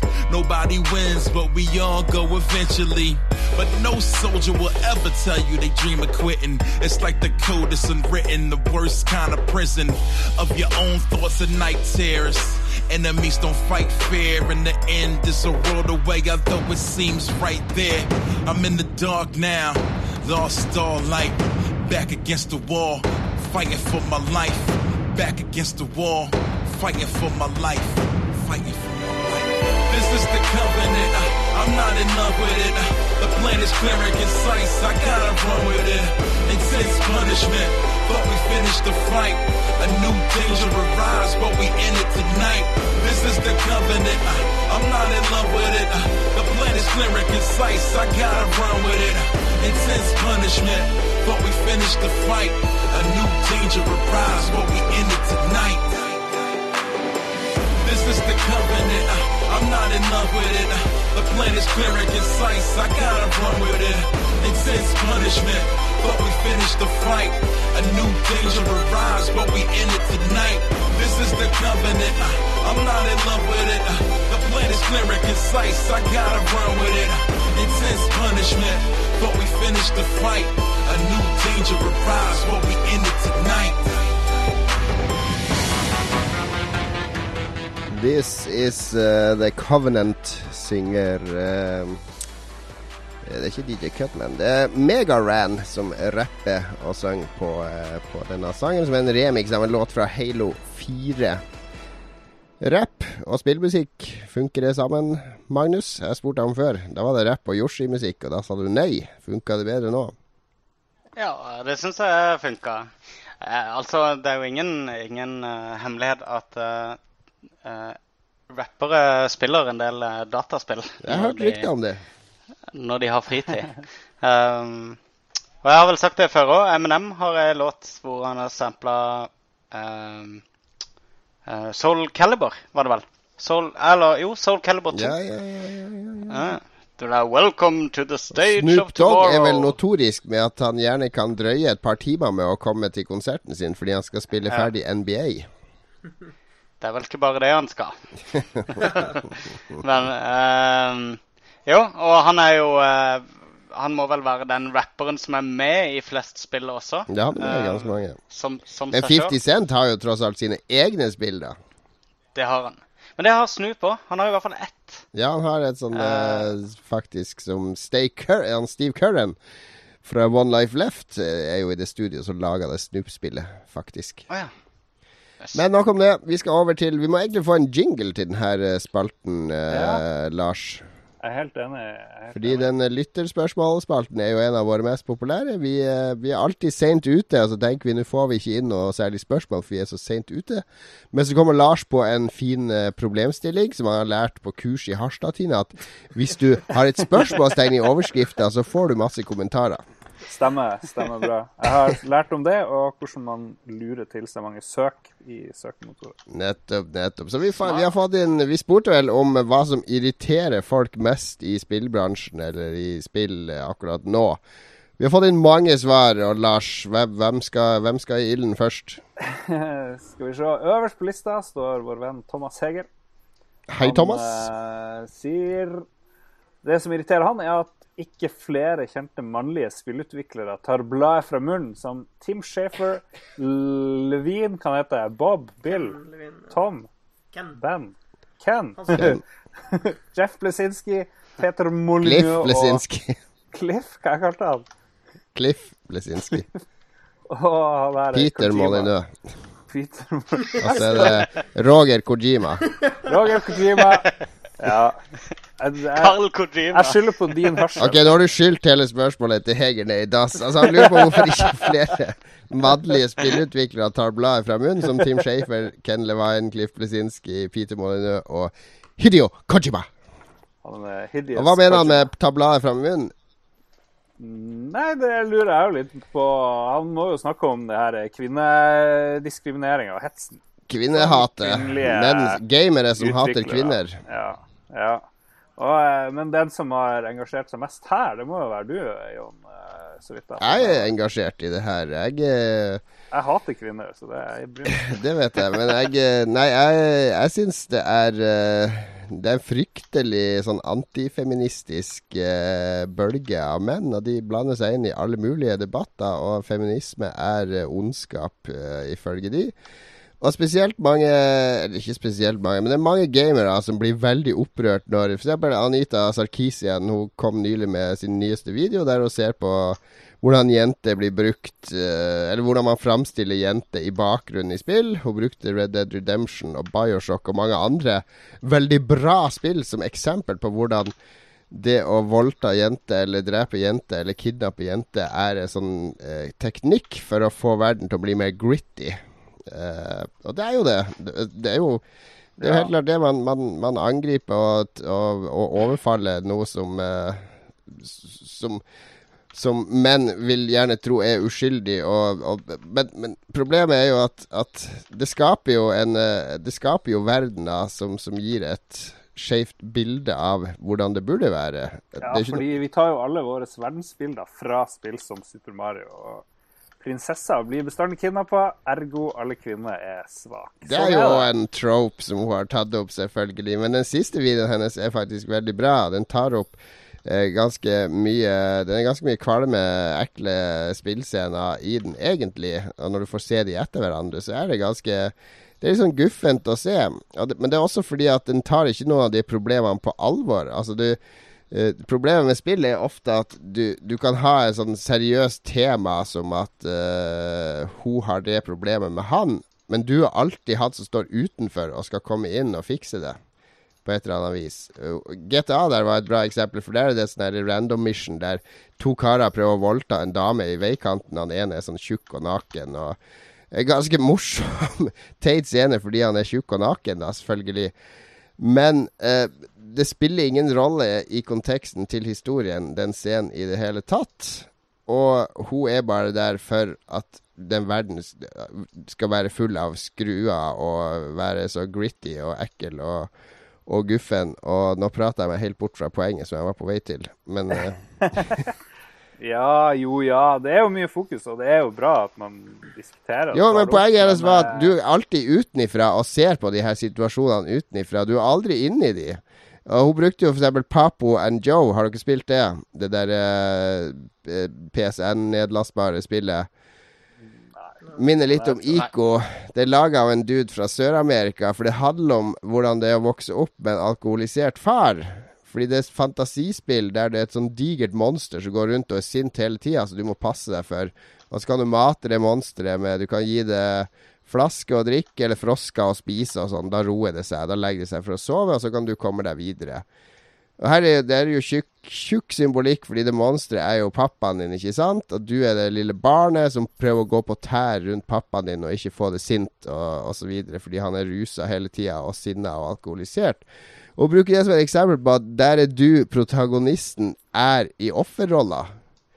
og du må finne en måte å takle offerrolla på. Mens i alle spill så er det putter jente i offerrollen, og så må du observere de og så tenke ja, uff, nå er det en fæl verden, og her må jeg finne Og så er det alltid en sånn bad guy som er De bruker jenter som offer fordi at bad guyen skal bli ekstra bad. Han bare he-he, det er bare hore, og skyter de alle sammen, og dreper de, og knuller de, og så. Eh, og, og bad guyen i voldtektssaker sånn er jo ikke bad. Så det, var mange gode poenger. Det er mye til ettertanke. Og det er jo selvfølgelig det er feministisk kritikk. Og alle seriøse kulturmedier, enten det er film eller litteratur eller teater, har feministisk kritikk. Det er en del av det å være et kulturmedie, er at folk kan komme med ulike uh, agenda eller kunnskap eller rammeverk, og kritisere verk basert på deres rammeverk. Og det at spill blir kritisert ut fra et feministisk uh, standpunkt, er jo et tegn på at spill har, er i ferd med å vokse opp og bli tatt seriøst. Ja, ja. Da, det er klart det. Så man kan jo drive og forklare mye om hvorfor ting er sånn og sånn. og Jeg vet ikke om det er så interessant, men problemet er vel at de som kommer med alternative synspunkter, ikke Eller blir rent, rett og slett hetsa, på et vis. Det er vel kanskje der det er problemet. Ja, det sitter en hel generasjon med gamere og sier ja, vi vil at spill skal bli tatt seriøst, hobbyen vår skal bli tatt seriøst. Og så kommer hun inn og så tar hun hobbyen seriøst. Og så tolker hun det, og så kritiserer hun spill for helt, det helt åpenbare ting som hun mener at det, det her spillet gjør det og det, og det syns jeg er feil. Og så er det bare ja, fuck you, ikke kom her og ta hobbyen vår seriøst. Altså Ja, ja. Men eh, jeg tenker de som liker eh, Expendables og eh, mainstream-filmer, Transformers og sånne greier, hvor damer stort sett er i fare og ditt og datt, Uh, de leser jo ikke denne typen kritikk i sine medier, ikke sant? Uh, spillpublikummet har veldig få De har ikke noe mainstream-presse de leser omtrent hvor det her kommer frem. Så da får uh, mainstreamen spill, av spillfansen får tilgang til denne kritikken på en helt annen måte enn mainstream-fans av film eller annen populærkultur. Sant? Og da blir det òg eh, mange flere typer reaksjoner som du ikke ville fått eh, hvis du skrev i sånne spesialistblader. ja, og så er den type kritikk noe nytt i spillmediet òg. Det fins jo drøssevis av feministisk kritikk av filmer, og filmer er jo på mange måter verre enn spill. Spesielt mange altså sånn mainstream Hollywood-filmer. Og det var jo jeg tror Aftenposten skrev om det tidligere i år, at det var noen svenske feminister som hadde laga en sånn prøve som de brukte på filmer, for å måle hvor, hvordan kvinnen ble fremstilt i det. Og i nesten alle amerikanske filmer så er kvinnen bare som staffasje for mann, eller for å bygge opp mann, eller øh, Ja, fem spørsmål-tingen, eller hva var det. Ja, det var et eller annet. Men de ga i hvert fall sånn rating på alle filmer som gikk på kino i Sverige. Stemmer. For å vise hvor skeivt uh, og hvor feil uh, forkvakla de, de synene var i de filmene. Og det er helt legitim uh, kritikk, så de kan komme med, med sin agenda. Men det blir ikke slått opp og ned på filmsider for det, ikke sant? Fordi det er en del av filmkritikk, er jo det. Ja. Det er ikke vant husker det var en sånn ting at du skulle At du, prøver å legge merke til hvor ofte det skjer at to kvinner i, på film eller en TV-serie prater sammen og ikke diskuterer en mann. Nettopp. Det var et av poengene deres. Ja, Men eh, det forekommer nesten aldri. det opprinnelige spørsmålet her var jo hvorfor tar ikke folk som eh, Jeff Blesinski å snakke om det her? Det er jo litt som å be han som regisserer Ja, Tim Schafer og Blesinski, og de har vel snakka om det. Tim Schafer har jo fått masse kjeft og haters nå fordi han anbefalte alle å se den nye Sarkesian-filmen. Og da var 'Jeg skal aldri mer kjøpe spill fra deg, nei!' Uh! Ja. Nei, det er jo bra. Jeg hadde ikke trodd at Jeff Blesinski, han eh, fyren bak Gears of War, som vel er eh, ikke en av de dypeste spillopplevelsene Ja, han Bob Blesinski. Jeffy B. det er liksom som om Michael Bay skulle begynne å snakke om, eh, om uh, filmkritikk. Men det, det er ikke noe sånn der kvinnetropes i Gears of War, er det det? Jeg kan ikke huske eneste oppdrag med noen sånn dame man skal redde, eller dame i offer. Jo, du, du er på leting etter kona til Dom, som er fanga i toeren. Det er jo eh, kanskje mest minneverdige. Det må være ubehagelig å være fanga i toeren. Ja, hun er fanga i toeren.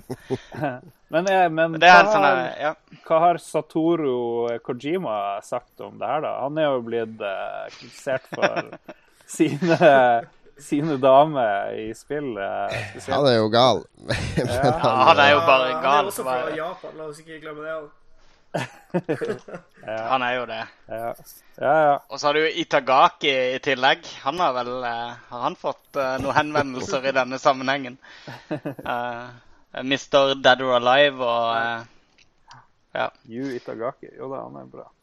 Nei, men det er altså fe feministisk kritikk av spill og kvinner i spillbransjen de må kunne være likestilt med menn på, på alle måter. Og det, det hele den saken også med Zoe Quinn som var før, som vi snakka litt om sist. Det, det er også en ikke-sak det. Altså, det er, det er så skummelt å se på alle de reaksjonene. Har du sett noen av de youtuberne som driver og lager sånn anti-Anita Sarkisian-videoer? Det er scary greier, altså. Han ene leste jeg i dag, han har laga over 30 timer video der han henger ut Anita Sarkisian. Tenk deg 30 timer! Det er, du kan se hele extended-versjonen av Ringenes herre-trilogien og alle Hobbiten-filmer, og fortsatt ha tid til å se et par Star Wars-filmer. Jeg føler vi begynner å angripe kjernepublikummet her til Lolbua. Jeg synes vi skal Jeg- jeg håper ikke det. Jeg håper ikke det er vårt kjernepublikum. Nei. Virkelig. Yes, Jeg, vi jeg må har et videre. Vi har mange, mange spørsmål, Lars. Ja, Ja, det har vi. Eh, skal vi se. Han uh, Mordy LG. Jeg lurer på om han har en LG-skjerm. Er det det det står for? Gud vet. Han hadde PlayStation i Europa sine utrullingsdager av spill, som ikke er lik som Steam eller Xbox. Man må vente 24 timer, pluss for noe man har betalt for måneder siden. Eh, han vil vel at ting skal slippes samtidig over hele verden, eh, muligens. eh, er det jeg tolker han til å mene. Og det er jo vanskelig å ikke være enig med det. Enkelt og greit. Det er jo boring. Ja, det er jo bare Det er en eller annen byråkratisk bestemt ting oppi Sony sitt system et sted. De liker vel å sitte på hver sin maurtue ikke sant, og bestemme der, tror jeg. Antagelig. Sånn. Så jeg er helt enig. Er det, er det tidligere Er det tidligere på Steam og Xbox enn uh, Ja, sånn har det PlayStation? vært i mange år. Xbox-folk Ja, ja. får det før PlayStation-folk. Digitale ting. Ja, riktig. Ja. Riktig, riktig. Han Chris Jett eh, blir jævla forbanna over folk som tror at social justice warriors er et nyttig begrep. Ja. Det har vi snakka om. Det er jo det alle de der eh, som, eh, som Ja. er på feministene sin side, eller som bare er på fornuften sin side, de blir jo stempla som social justice warriors med en gang. Det er White Nights. Og Da må det være bedre å være en social injustice warrior, tydeligvis. eh, Tydeligvis en bedre ting å, å være på den sida av saken, ja. Og så er det noen av våre, eh, våre venner som går dypt, dypt i materien, og blant dem er han Trygve Bjellvåg, som har en, en del ting han har problemer med. Vi, vi har jo spurt om hva folk irriterer seg over. Og han irriterer seg over bl.a. usynlige vegger og triggere i spill som ikke fungerer og er helt ulogisk. Han sier at ingenting tar deg fortere ut av opplevelsen enn det. Han har fremdeles traumer etter Resident Evil 5, hvor man slåss med Wesker i en lavapit, og man måtte flytte på en stein med det han kaller vannmelonarmene, og ikke visste hva man skulle gjøre med triggeren til neste scene. Og øh, han fikk eh, glitch, og så skulle han dytte på en stein som var på størrelse med en pickup truck, som ikke ga noe særlig mening, eh, selv i et Resident Evil-spill. Han holdt på en stund før det plutselig bare fungerte igjen. Og Da ble det en velfortjent jegershot som plaster på såret, selv om det var en hul seier. Det, Jeg syns ikke det var Var det en hul seier? Nei, det er, Altså, Nordbua eh, stiller seg veldig bak jeger, gjør vi ikke det? Ja, ja, ja. Ja Jo. Det kan brukes både til å feire og til å sørge. Ja. Nei, Det er det som er bra med jeger. jeg, husker, jeg husker Bioshock Infinite fra uh, Manny uh, kan hete heter Levien. Eh, og der var det jo sånn usynlige triggers all the time. ikke sant? Det var helt forferdelig. Du kunne liksom gå frem og tilbake over en usynlig strek for å enten aktivere eller deaktivere fiendene. Ja. Ja. Bullshit. Uh, vår Ja, venn det, det er fort gjort å gå ut av uh, illusjonen. Men det er, det er også et problem som jeg har sånn generelt med spill. Jo mer realistisk de skal være, jo mer må jeg få lov til å gjøre. Det var jo et problem med eksempel gamle Call of Duty-spill før Modern Warfare.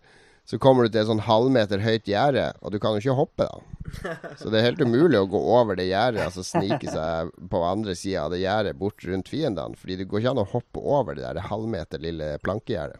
Ja. Ja, sånne ting er veldig plagsomt, ja. Men det er jo litt Men er det ikke sånn Det første jeg gjør i alle plattformspill og førstepersons skytespill, det er du får alltid beskjed ja, 'følg etter meg', eller 'gå dit'. Det første jeg gjør, er å snu meg og prøve å gå andre veien. Jeg gjør det bare Jeg gjør det sånn helt automatisk. Jeg skal bare se hva som skjer hvis jeg ikke går der du ber meg om å gå.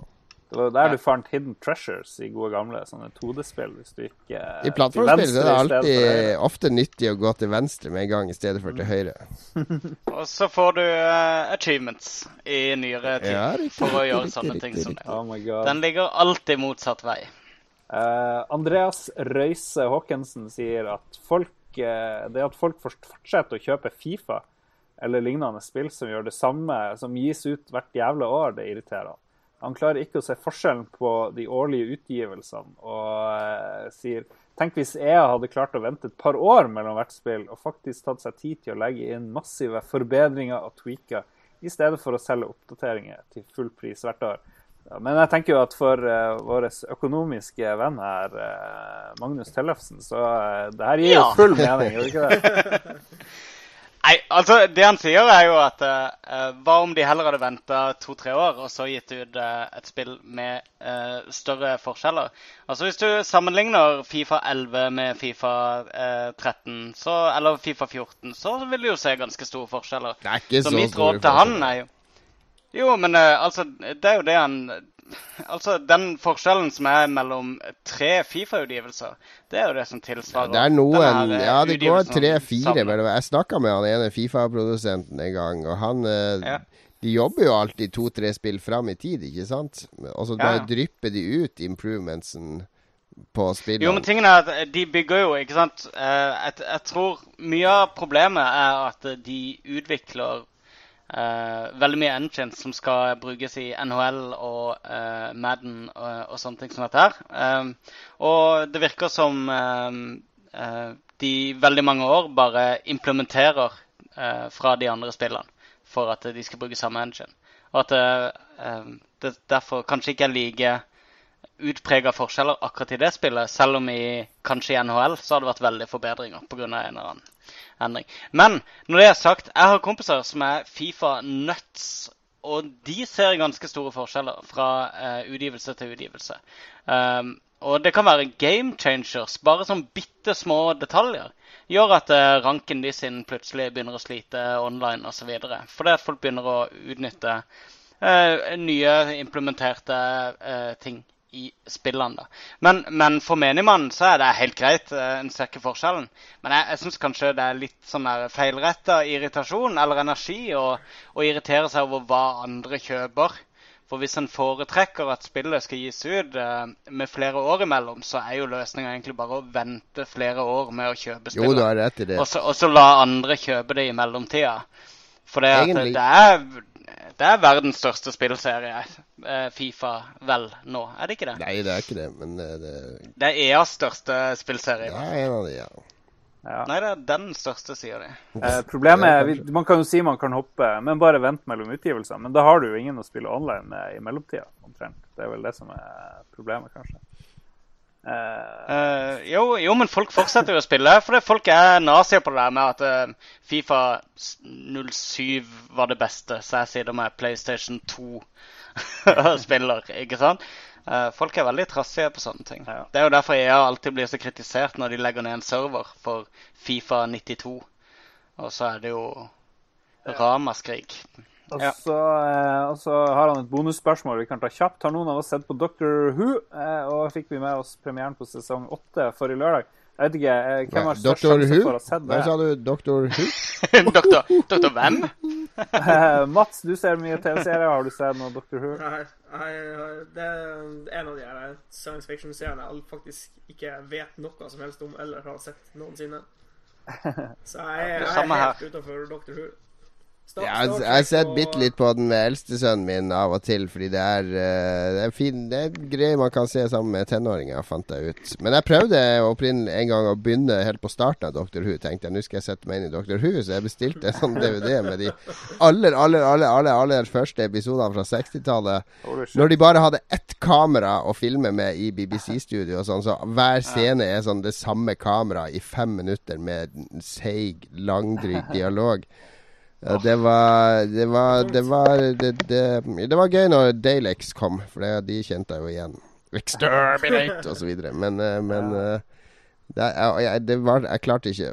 Men eh, det, det er visst eh, mange Doctor Who-fans, jeg skjønt. Og på Outland har de satt opp en sånn Her i Oslo har de satt opp en gigantisk sånn papptelefonkiosk eh, inne på Outland. Den Doctor Who-romskipet. Ja, vel, jeg tipper Hvis du skal begynne å se Doctor Who nå i moderne tid, så tror jeg det er bedre å se en av de nyere, og heller bare lese om hva som har skjedd i de eldre versjonene, Ja. rett og slett. Og så Det kan du er- heller, heller kanskje se det det når du har sett litt mer pris på Doctor Who. Ja. Eh, Vår eh, største tilhenger, Jan Christian Hegel, hater fanboys og haters. Og alle de som ikke klarer å akseptere seksuell legning og slikt i det fantastiske media vi har, som bringer mye fryd til alle. Og så slenger han på et spørsmål her eh, rett ut av det blå. Hvis vi kunne hengt med en spillfigur en hel dag, hvem ville det ha vært? det er jo et crazy spørsmål. ja vel. Hmm. Hmm. Skal vi henge med Diablo?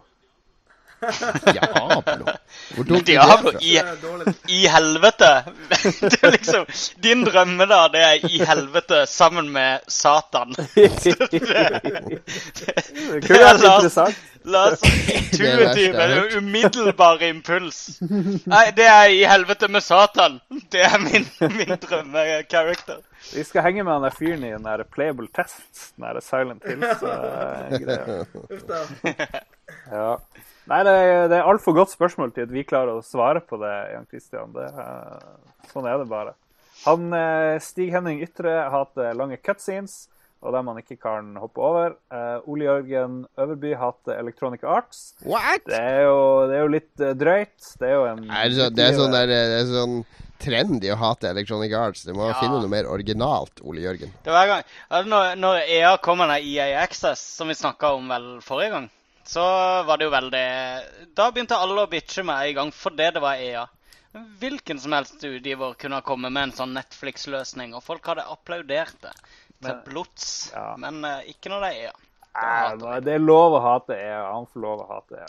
Henrik Rosenlund eh, hater folk som fortsatt sier next gen om åttende generasjon. Og jeg kjenner ingen som sier åttende generasjon, så vi trenger et bedre navn. Henrik Rosenlund. Beklager. Eh, Ja. Jeg blir å få this gen. Det, det er jo denne generasjonen. Jeg, jeg, jeg kaller den det for Jeg, jeg kaster inn en kontroversiell brannfakkel. Jeg kaller den herved for Doom-gen.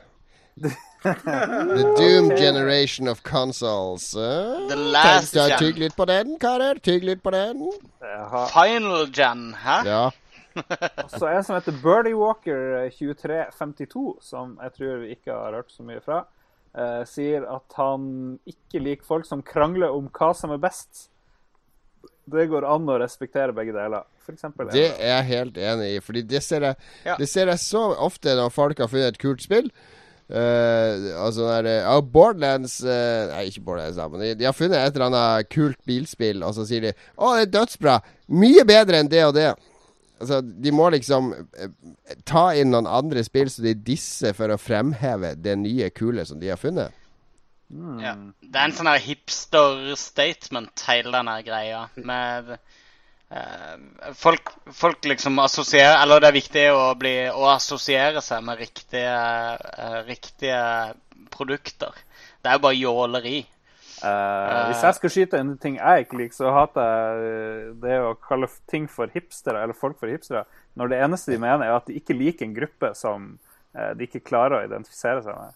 Jo, men det er ikke det jeg sier. Det er ikke det jeg sier. Nei, jeg bare sier at vi.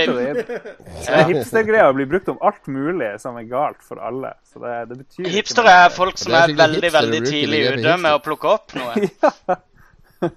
Og, og hvis en plukker opp et splitter nytt bilspill og så går rett i gang med å og disse mainstream-spillene, som alle er, er liksom som de fleste i mainstreamen er enige om at det er det beste, uh, og disser det fordi han har funnet et eller annet obskurt, splitter nytt spill som ingen andre har fått hendene sine på ennå, så er det en hipster. vil jeg si. Det er si. en ny regel. Det er ikke lov å si hipster i Lolbua. Ja, la oss Hipsterbua, hipsterdiskusjon. hipsterbua. Nå blir det hipsterbu.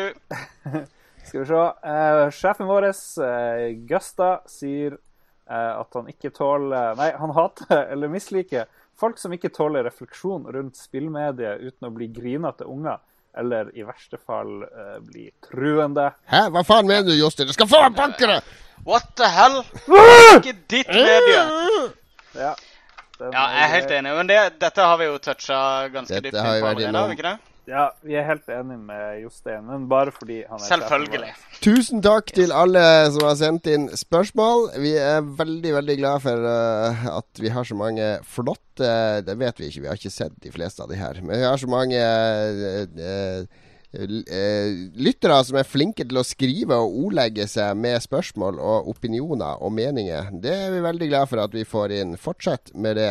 Eh, neste gang lover vi at vi skal være enda tidligere ute med en enda bedre problemstilling. Det, Lars, du er herved problemstillingssjef Ja, det har det vært lenge. før hver episode. Vi skal innom vår siste spalte for i dag. Det er jo da vi skal snakke om hva vi har spilt i det siste. Og Magnus, du må jo gå i seng snart, for du er jo så flittig og pliktoppfyllende student.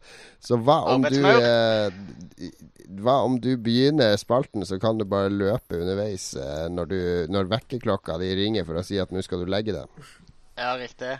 Uh, ja, jeg har spilt på iPad, faktisk. For det- jeg har jo vært så på farta, Ja, ja, ja, som ja, ja. kjent.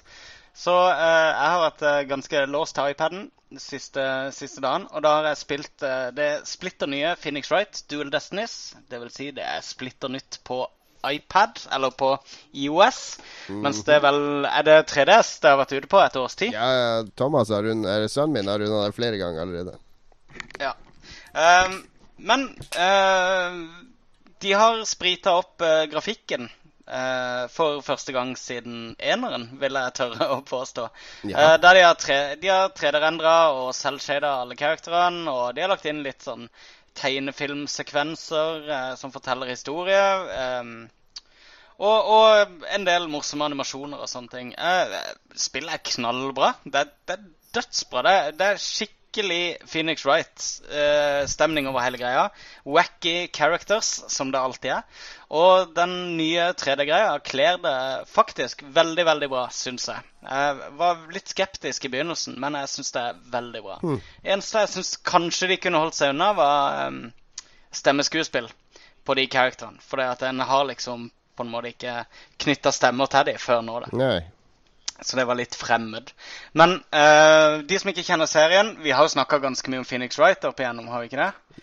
Ja. Um, ja, det er et eh, advokatspill hvor du bytter mellom enten å etterforske sånn forskjellige åsteder for kriminelle handlinger, ofte mord, og eh, påfølgende rettssak hvor du skal eh, spørre ut og eh, finne eh, løgner og svakheter og logiske brister i vitneutsagn. Hvor høyt rangerer du det her spillet i serien, da?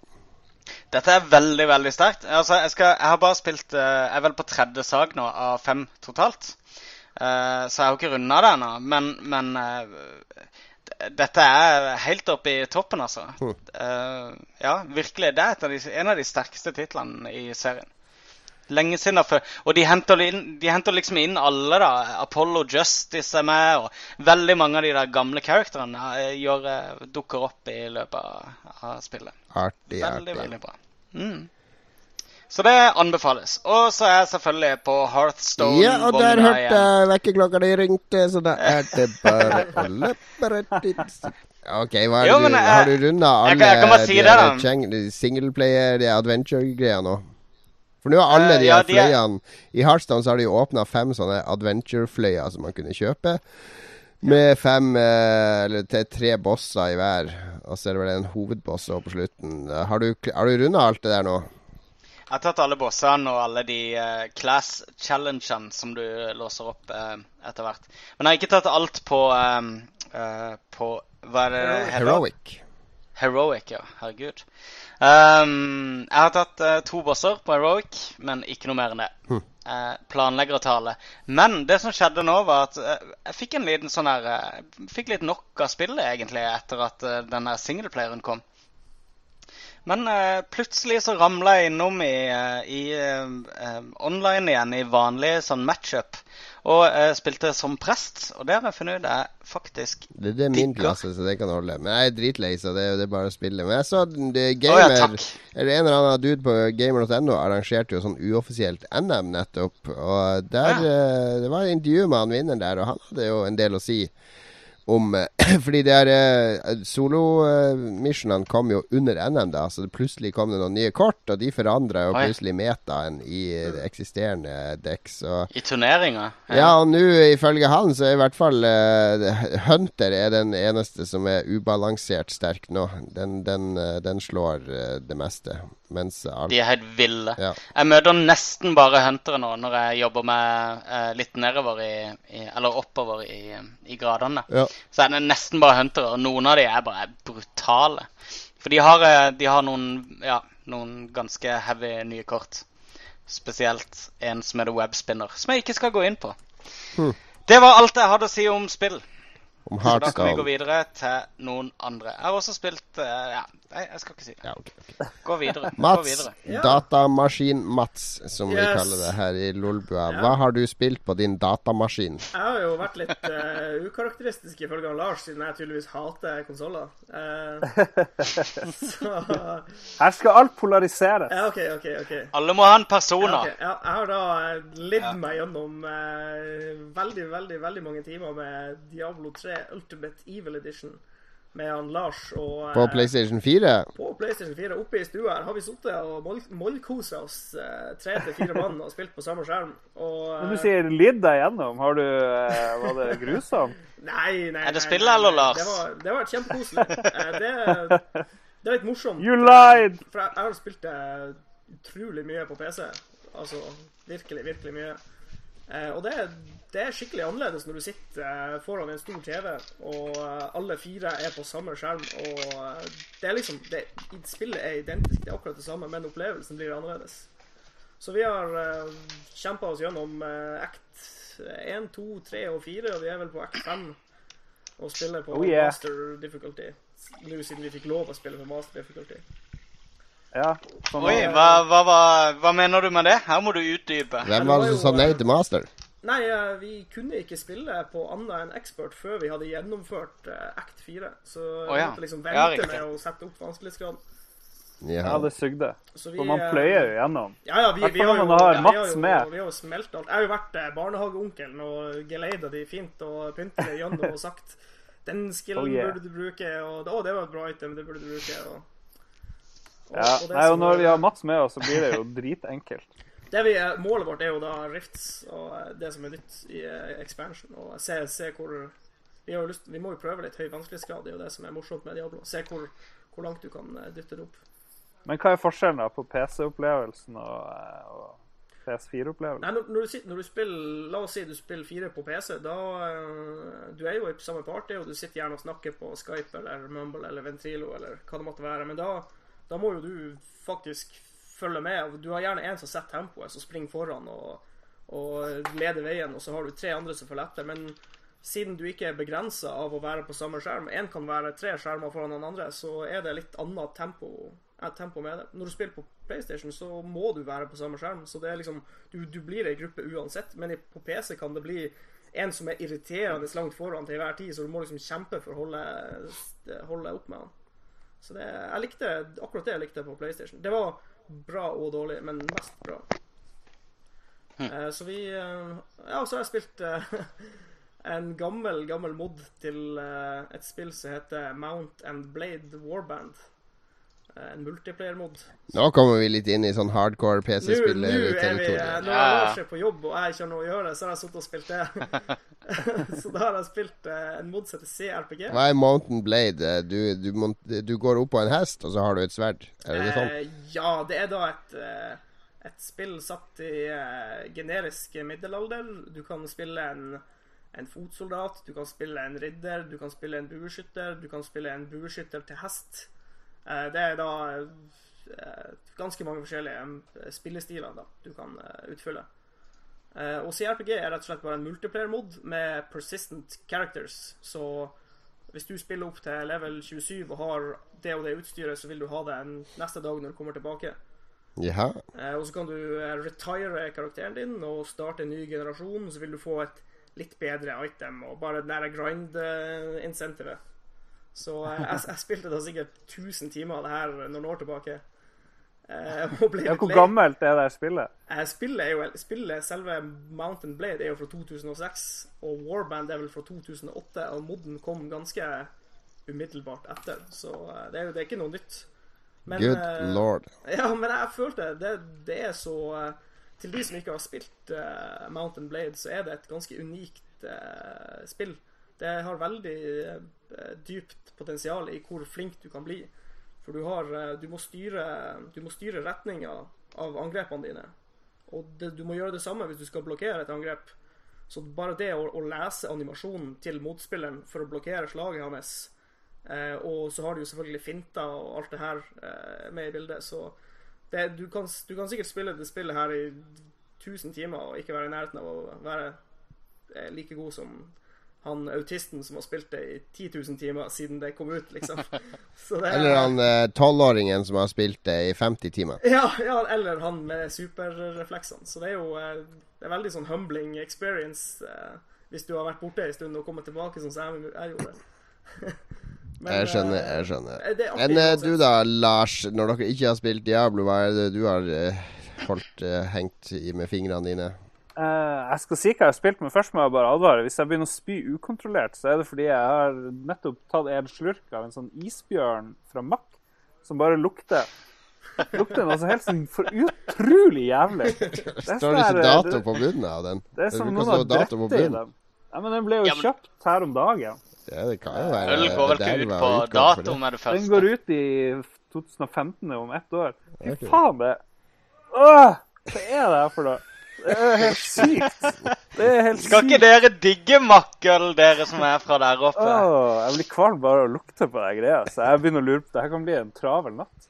Bare, Nordlendinger som er så Ja, ja, ja, stolte ja. av Nok opphavet sitt, av ølet? hva er det du har stolte spilt for noe da, Lars? Åh, skal vi se.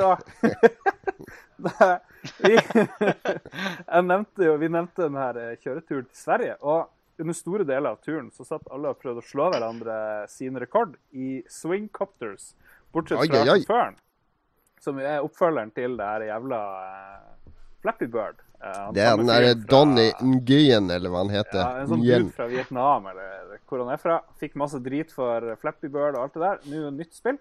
Og det var, det var bare sykt vanskelig å bare få ett poeng i starten. Fordi du er en fyr med helikopter på hodet, ser det ut som. Og så med en gang du starter, så flyr han bare rett i høyre i skjermen, helt ukontrollert. Og så må du liksom trykke en gang. Så da drar han ukontrollert mot venstre. Og så må du liksom trykke trykke for å dra til høyre og venstre. Han drar jo ikke ukontrollert, da. Han jo Jo. Han akselererer jo. Han har jo en fast akselerasjon, da. Ja, men hvis du ikke trykker, så drar han ukontrollert. Jo, jo, du må jo holde en rytme for å få han til å rotere Ja. rundt en uh, vertikal uh, akse. Ja, og I stedet for som i Flappy å fære fra venstre mot høyre gjennom åpningen, så fær du nå eh, oppover mellom åpninger som er plassert litt til høyre og venstre. Men eh, det geniale er jo at han har plassert sånne hamrer på enden av hver eh, port Ja, ja, ja. som svinger, som gjør det der dritvanskelig. Og det var så gøy å sitte og, og, og plages med det der spillet. Og jeg tipper at eh, hvis Flappy var populært, så var det der veldig lite populært. For det var så sinnssykt, sinnssykt vanskelig. Men noen har spilt det, og noen har kjempet seg gjennom. Og eh, plutselig fikk jeg liksom fire Nei, på kjøreturen så hadde jeg tre i rekord, og det var det beste. Plutselig fikk han Mats fire. Så ble jeg dritsur, så måtte jeg sitte og liksom kjempe meg opp til å få fire. Og så plutselig fikk jeg syv. Og så fikk jeg elleve her en dagen. Så gikk det en halv time, og så startet jeg spillet på nytt. Så var det helt forandra. Da hadde han der jævla uh, Nyen-duden gjort spillet kjempemye enklere. Og så har jeg ikke spilt det siden. Og jeg er litt sur fremdeles. Har han gjort det enklere nå?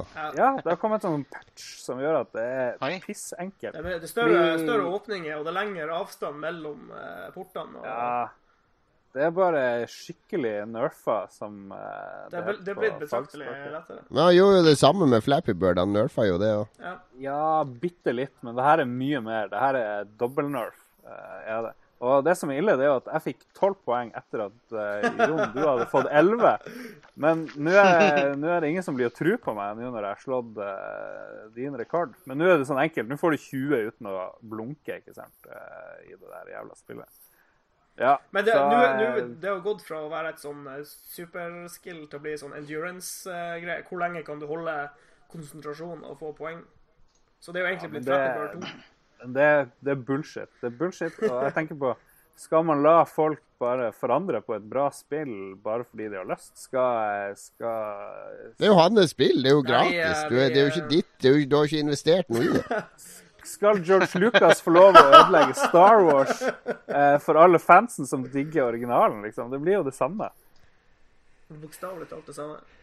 Det er ikke Så det, du sammenligner uh, eh, spillet med Star Wars. Det er ikke så dårlig. Det er en naturlig Skussmål. sammenligning. Ja.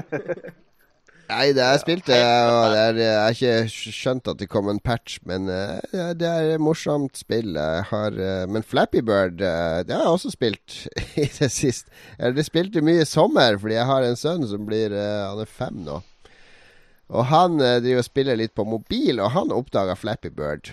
Og det har han spilt hele sommerferien. Så han begynte jo nede i Spania der, og da han klarte jo ikke å få noe poeng, ikke sant? Og så hadde han en uh, kusine på uh, 16 år som hun for og visste han, ikke sant? Og hun for og tok poeng, og så inspirerte han. Så han drev og spilte Flappy Bird hver dag. Og så plutselig så hadde han fått to poeng, og så hadde han fått fire, og så hadde han fått fem. Og så når ferien var over, så var han oppe i over ti poeng. Og det, det var jeg egentlig veldig fornøyd med at han spilte det spillet, fordi det er jo rent ferdighetsbasert spill.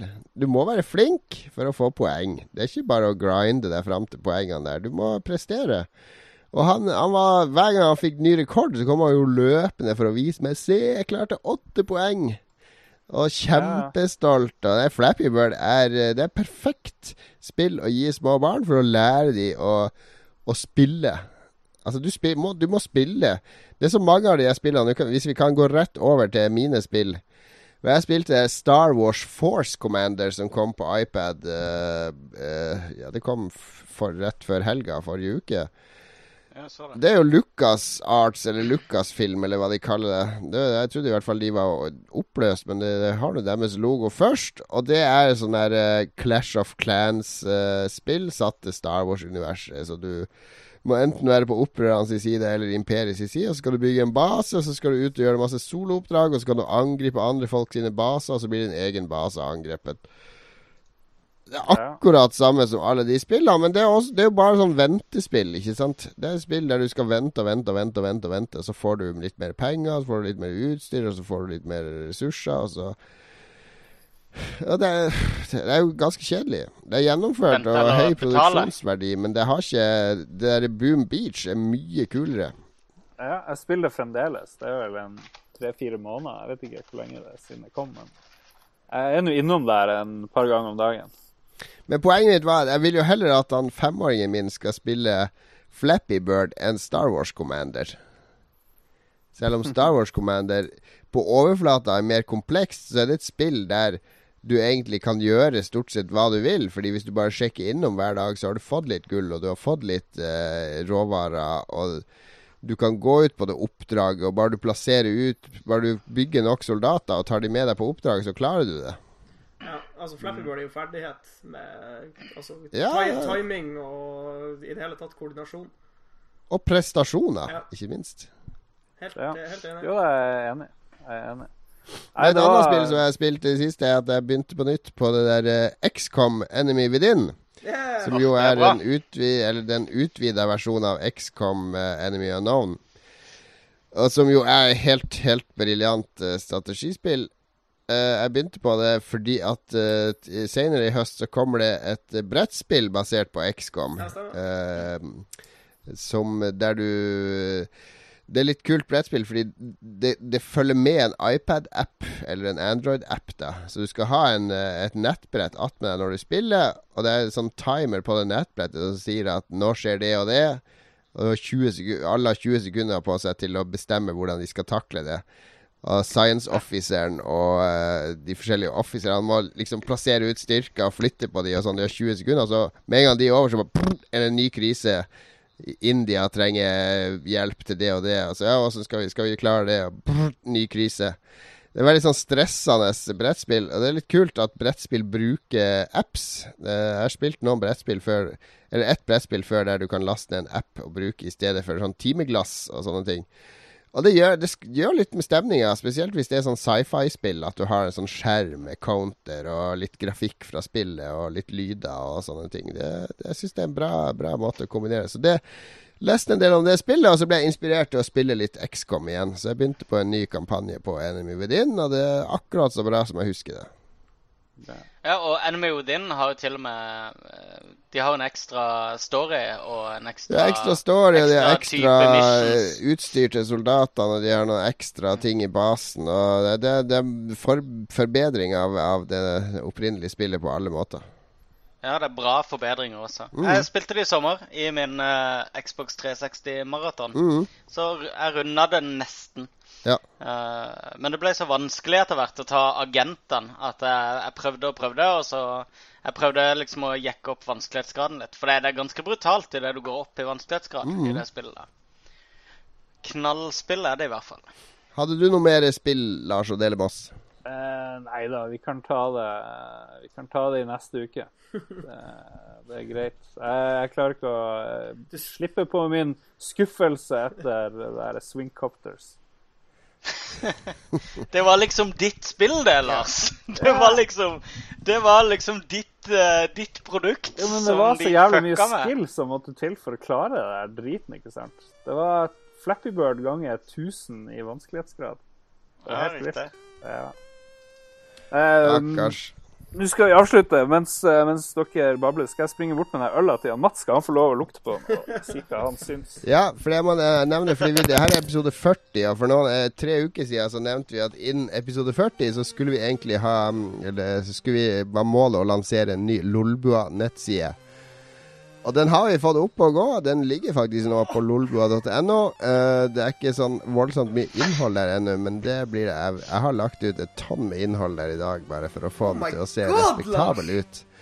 Men det er Vi har altså fått en ny hjemmeside opp og gå. Det, det er fortsatt lolbua.no. Uh, ja, hva er målet vårt med den sida, karer? Vi skal første gang å spikke på han og få han uh, superferdig før vi uh, hiver inn på masse redaksjonelle saker, hvor vi skriver veldig personlige eh, inntrykk av spill vi tester, og spillrelaterte opplevelser, er det ikke det? Ja, ja det, det er plass til bøker og film og alt mulig der. Det ja da. Ja. Jo da. Men vi har jo ett bein i spill, som vi alltid har, har vi ikke jo, det? Spill, spillene vil jo alltid ligge i bunnen der. Men jeg har eh, jeg satt, uh, brukt store deler av dagen på å få opp den sida og det templatet. Det er laga i Wordpress. Magnus har funnet, fant et sånn template til oss som er, ser veldig flott ut. Vi har fått inn logo. Jeg har fått opp en del videoer, gamle ting jeg har laga. Litt artikler. Så skrev jeg en kjapp sak i dag om Shadowrun Returns. Uh, nei, ikke Shadowrun Returns, men Shadowrun Dragonfall, som jo er årets beste RPG i mine øyne. Som nå kommer i sånn standalone edition om uh, noen få uker. Så da har man ingen unnskyldning til å ikke spille det fantastisk kule RPG. Hører du, Lars? Og Mats. Det her er PC, Mats. Ja, uh, Dragonfall. Jeg, skulle, jeg, hørte på forrige episode, og er helt enig med Dragonfall. Ut, utrolig bra RPG, og 10 000 ganger bedre enn den, originale scenariotingen. Ja, absolutt. Det er veldig kult at du får sånn standalone-utgave. Men det kan du lese mer om i mine inntrykk på lolbua.no. Lars, hva skal du legge ut på Lolbua i morgen? I morgen? Jeg får se. Det er mulig jeg må skrive litt mer om uh, swingcopters. Jeg, å...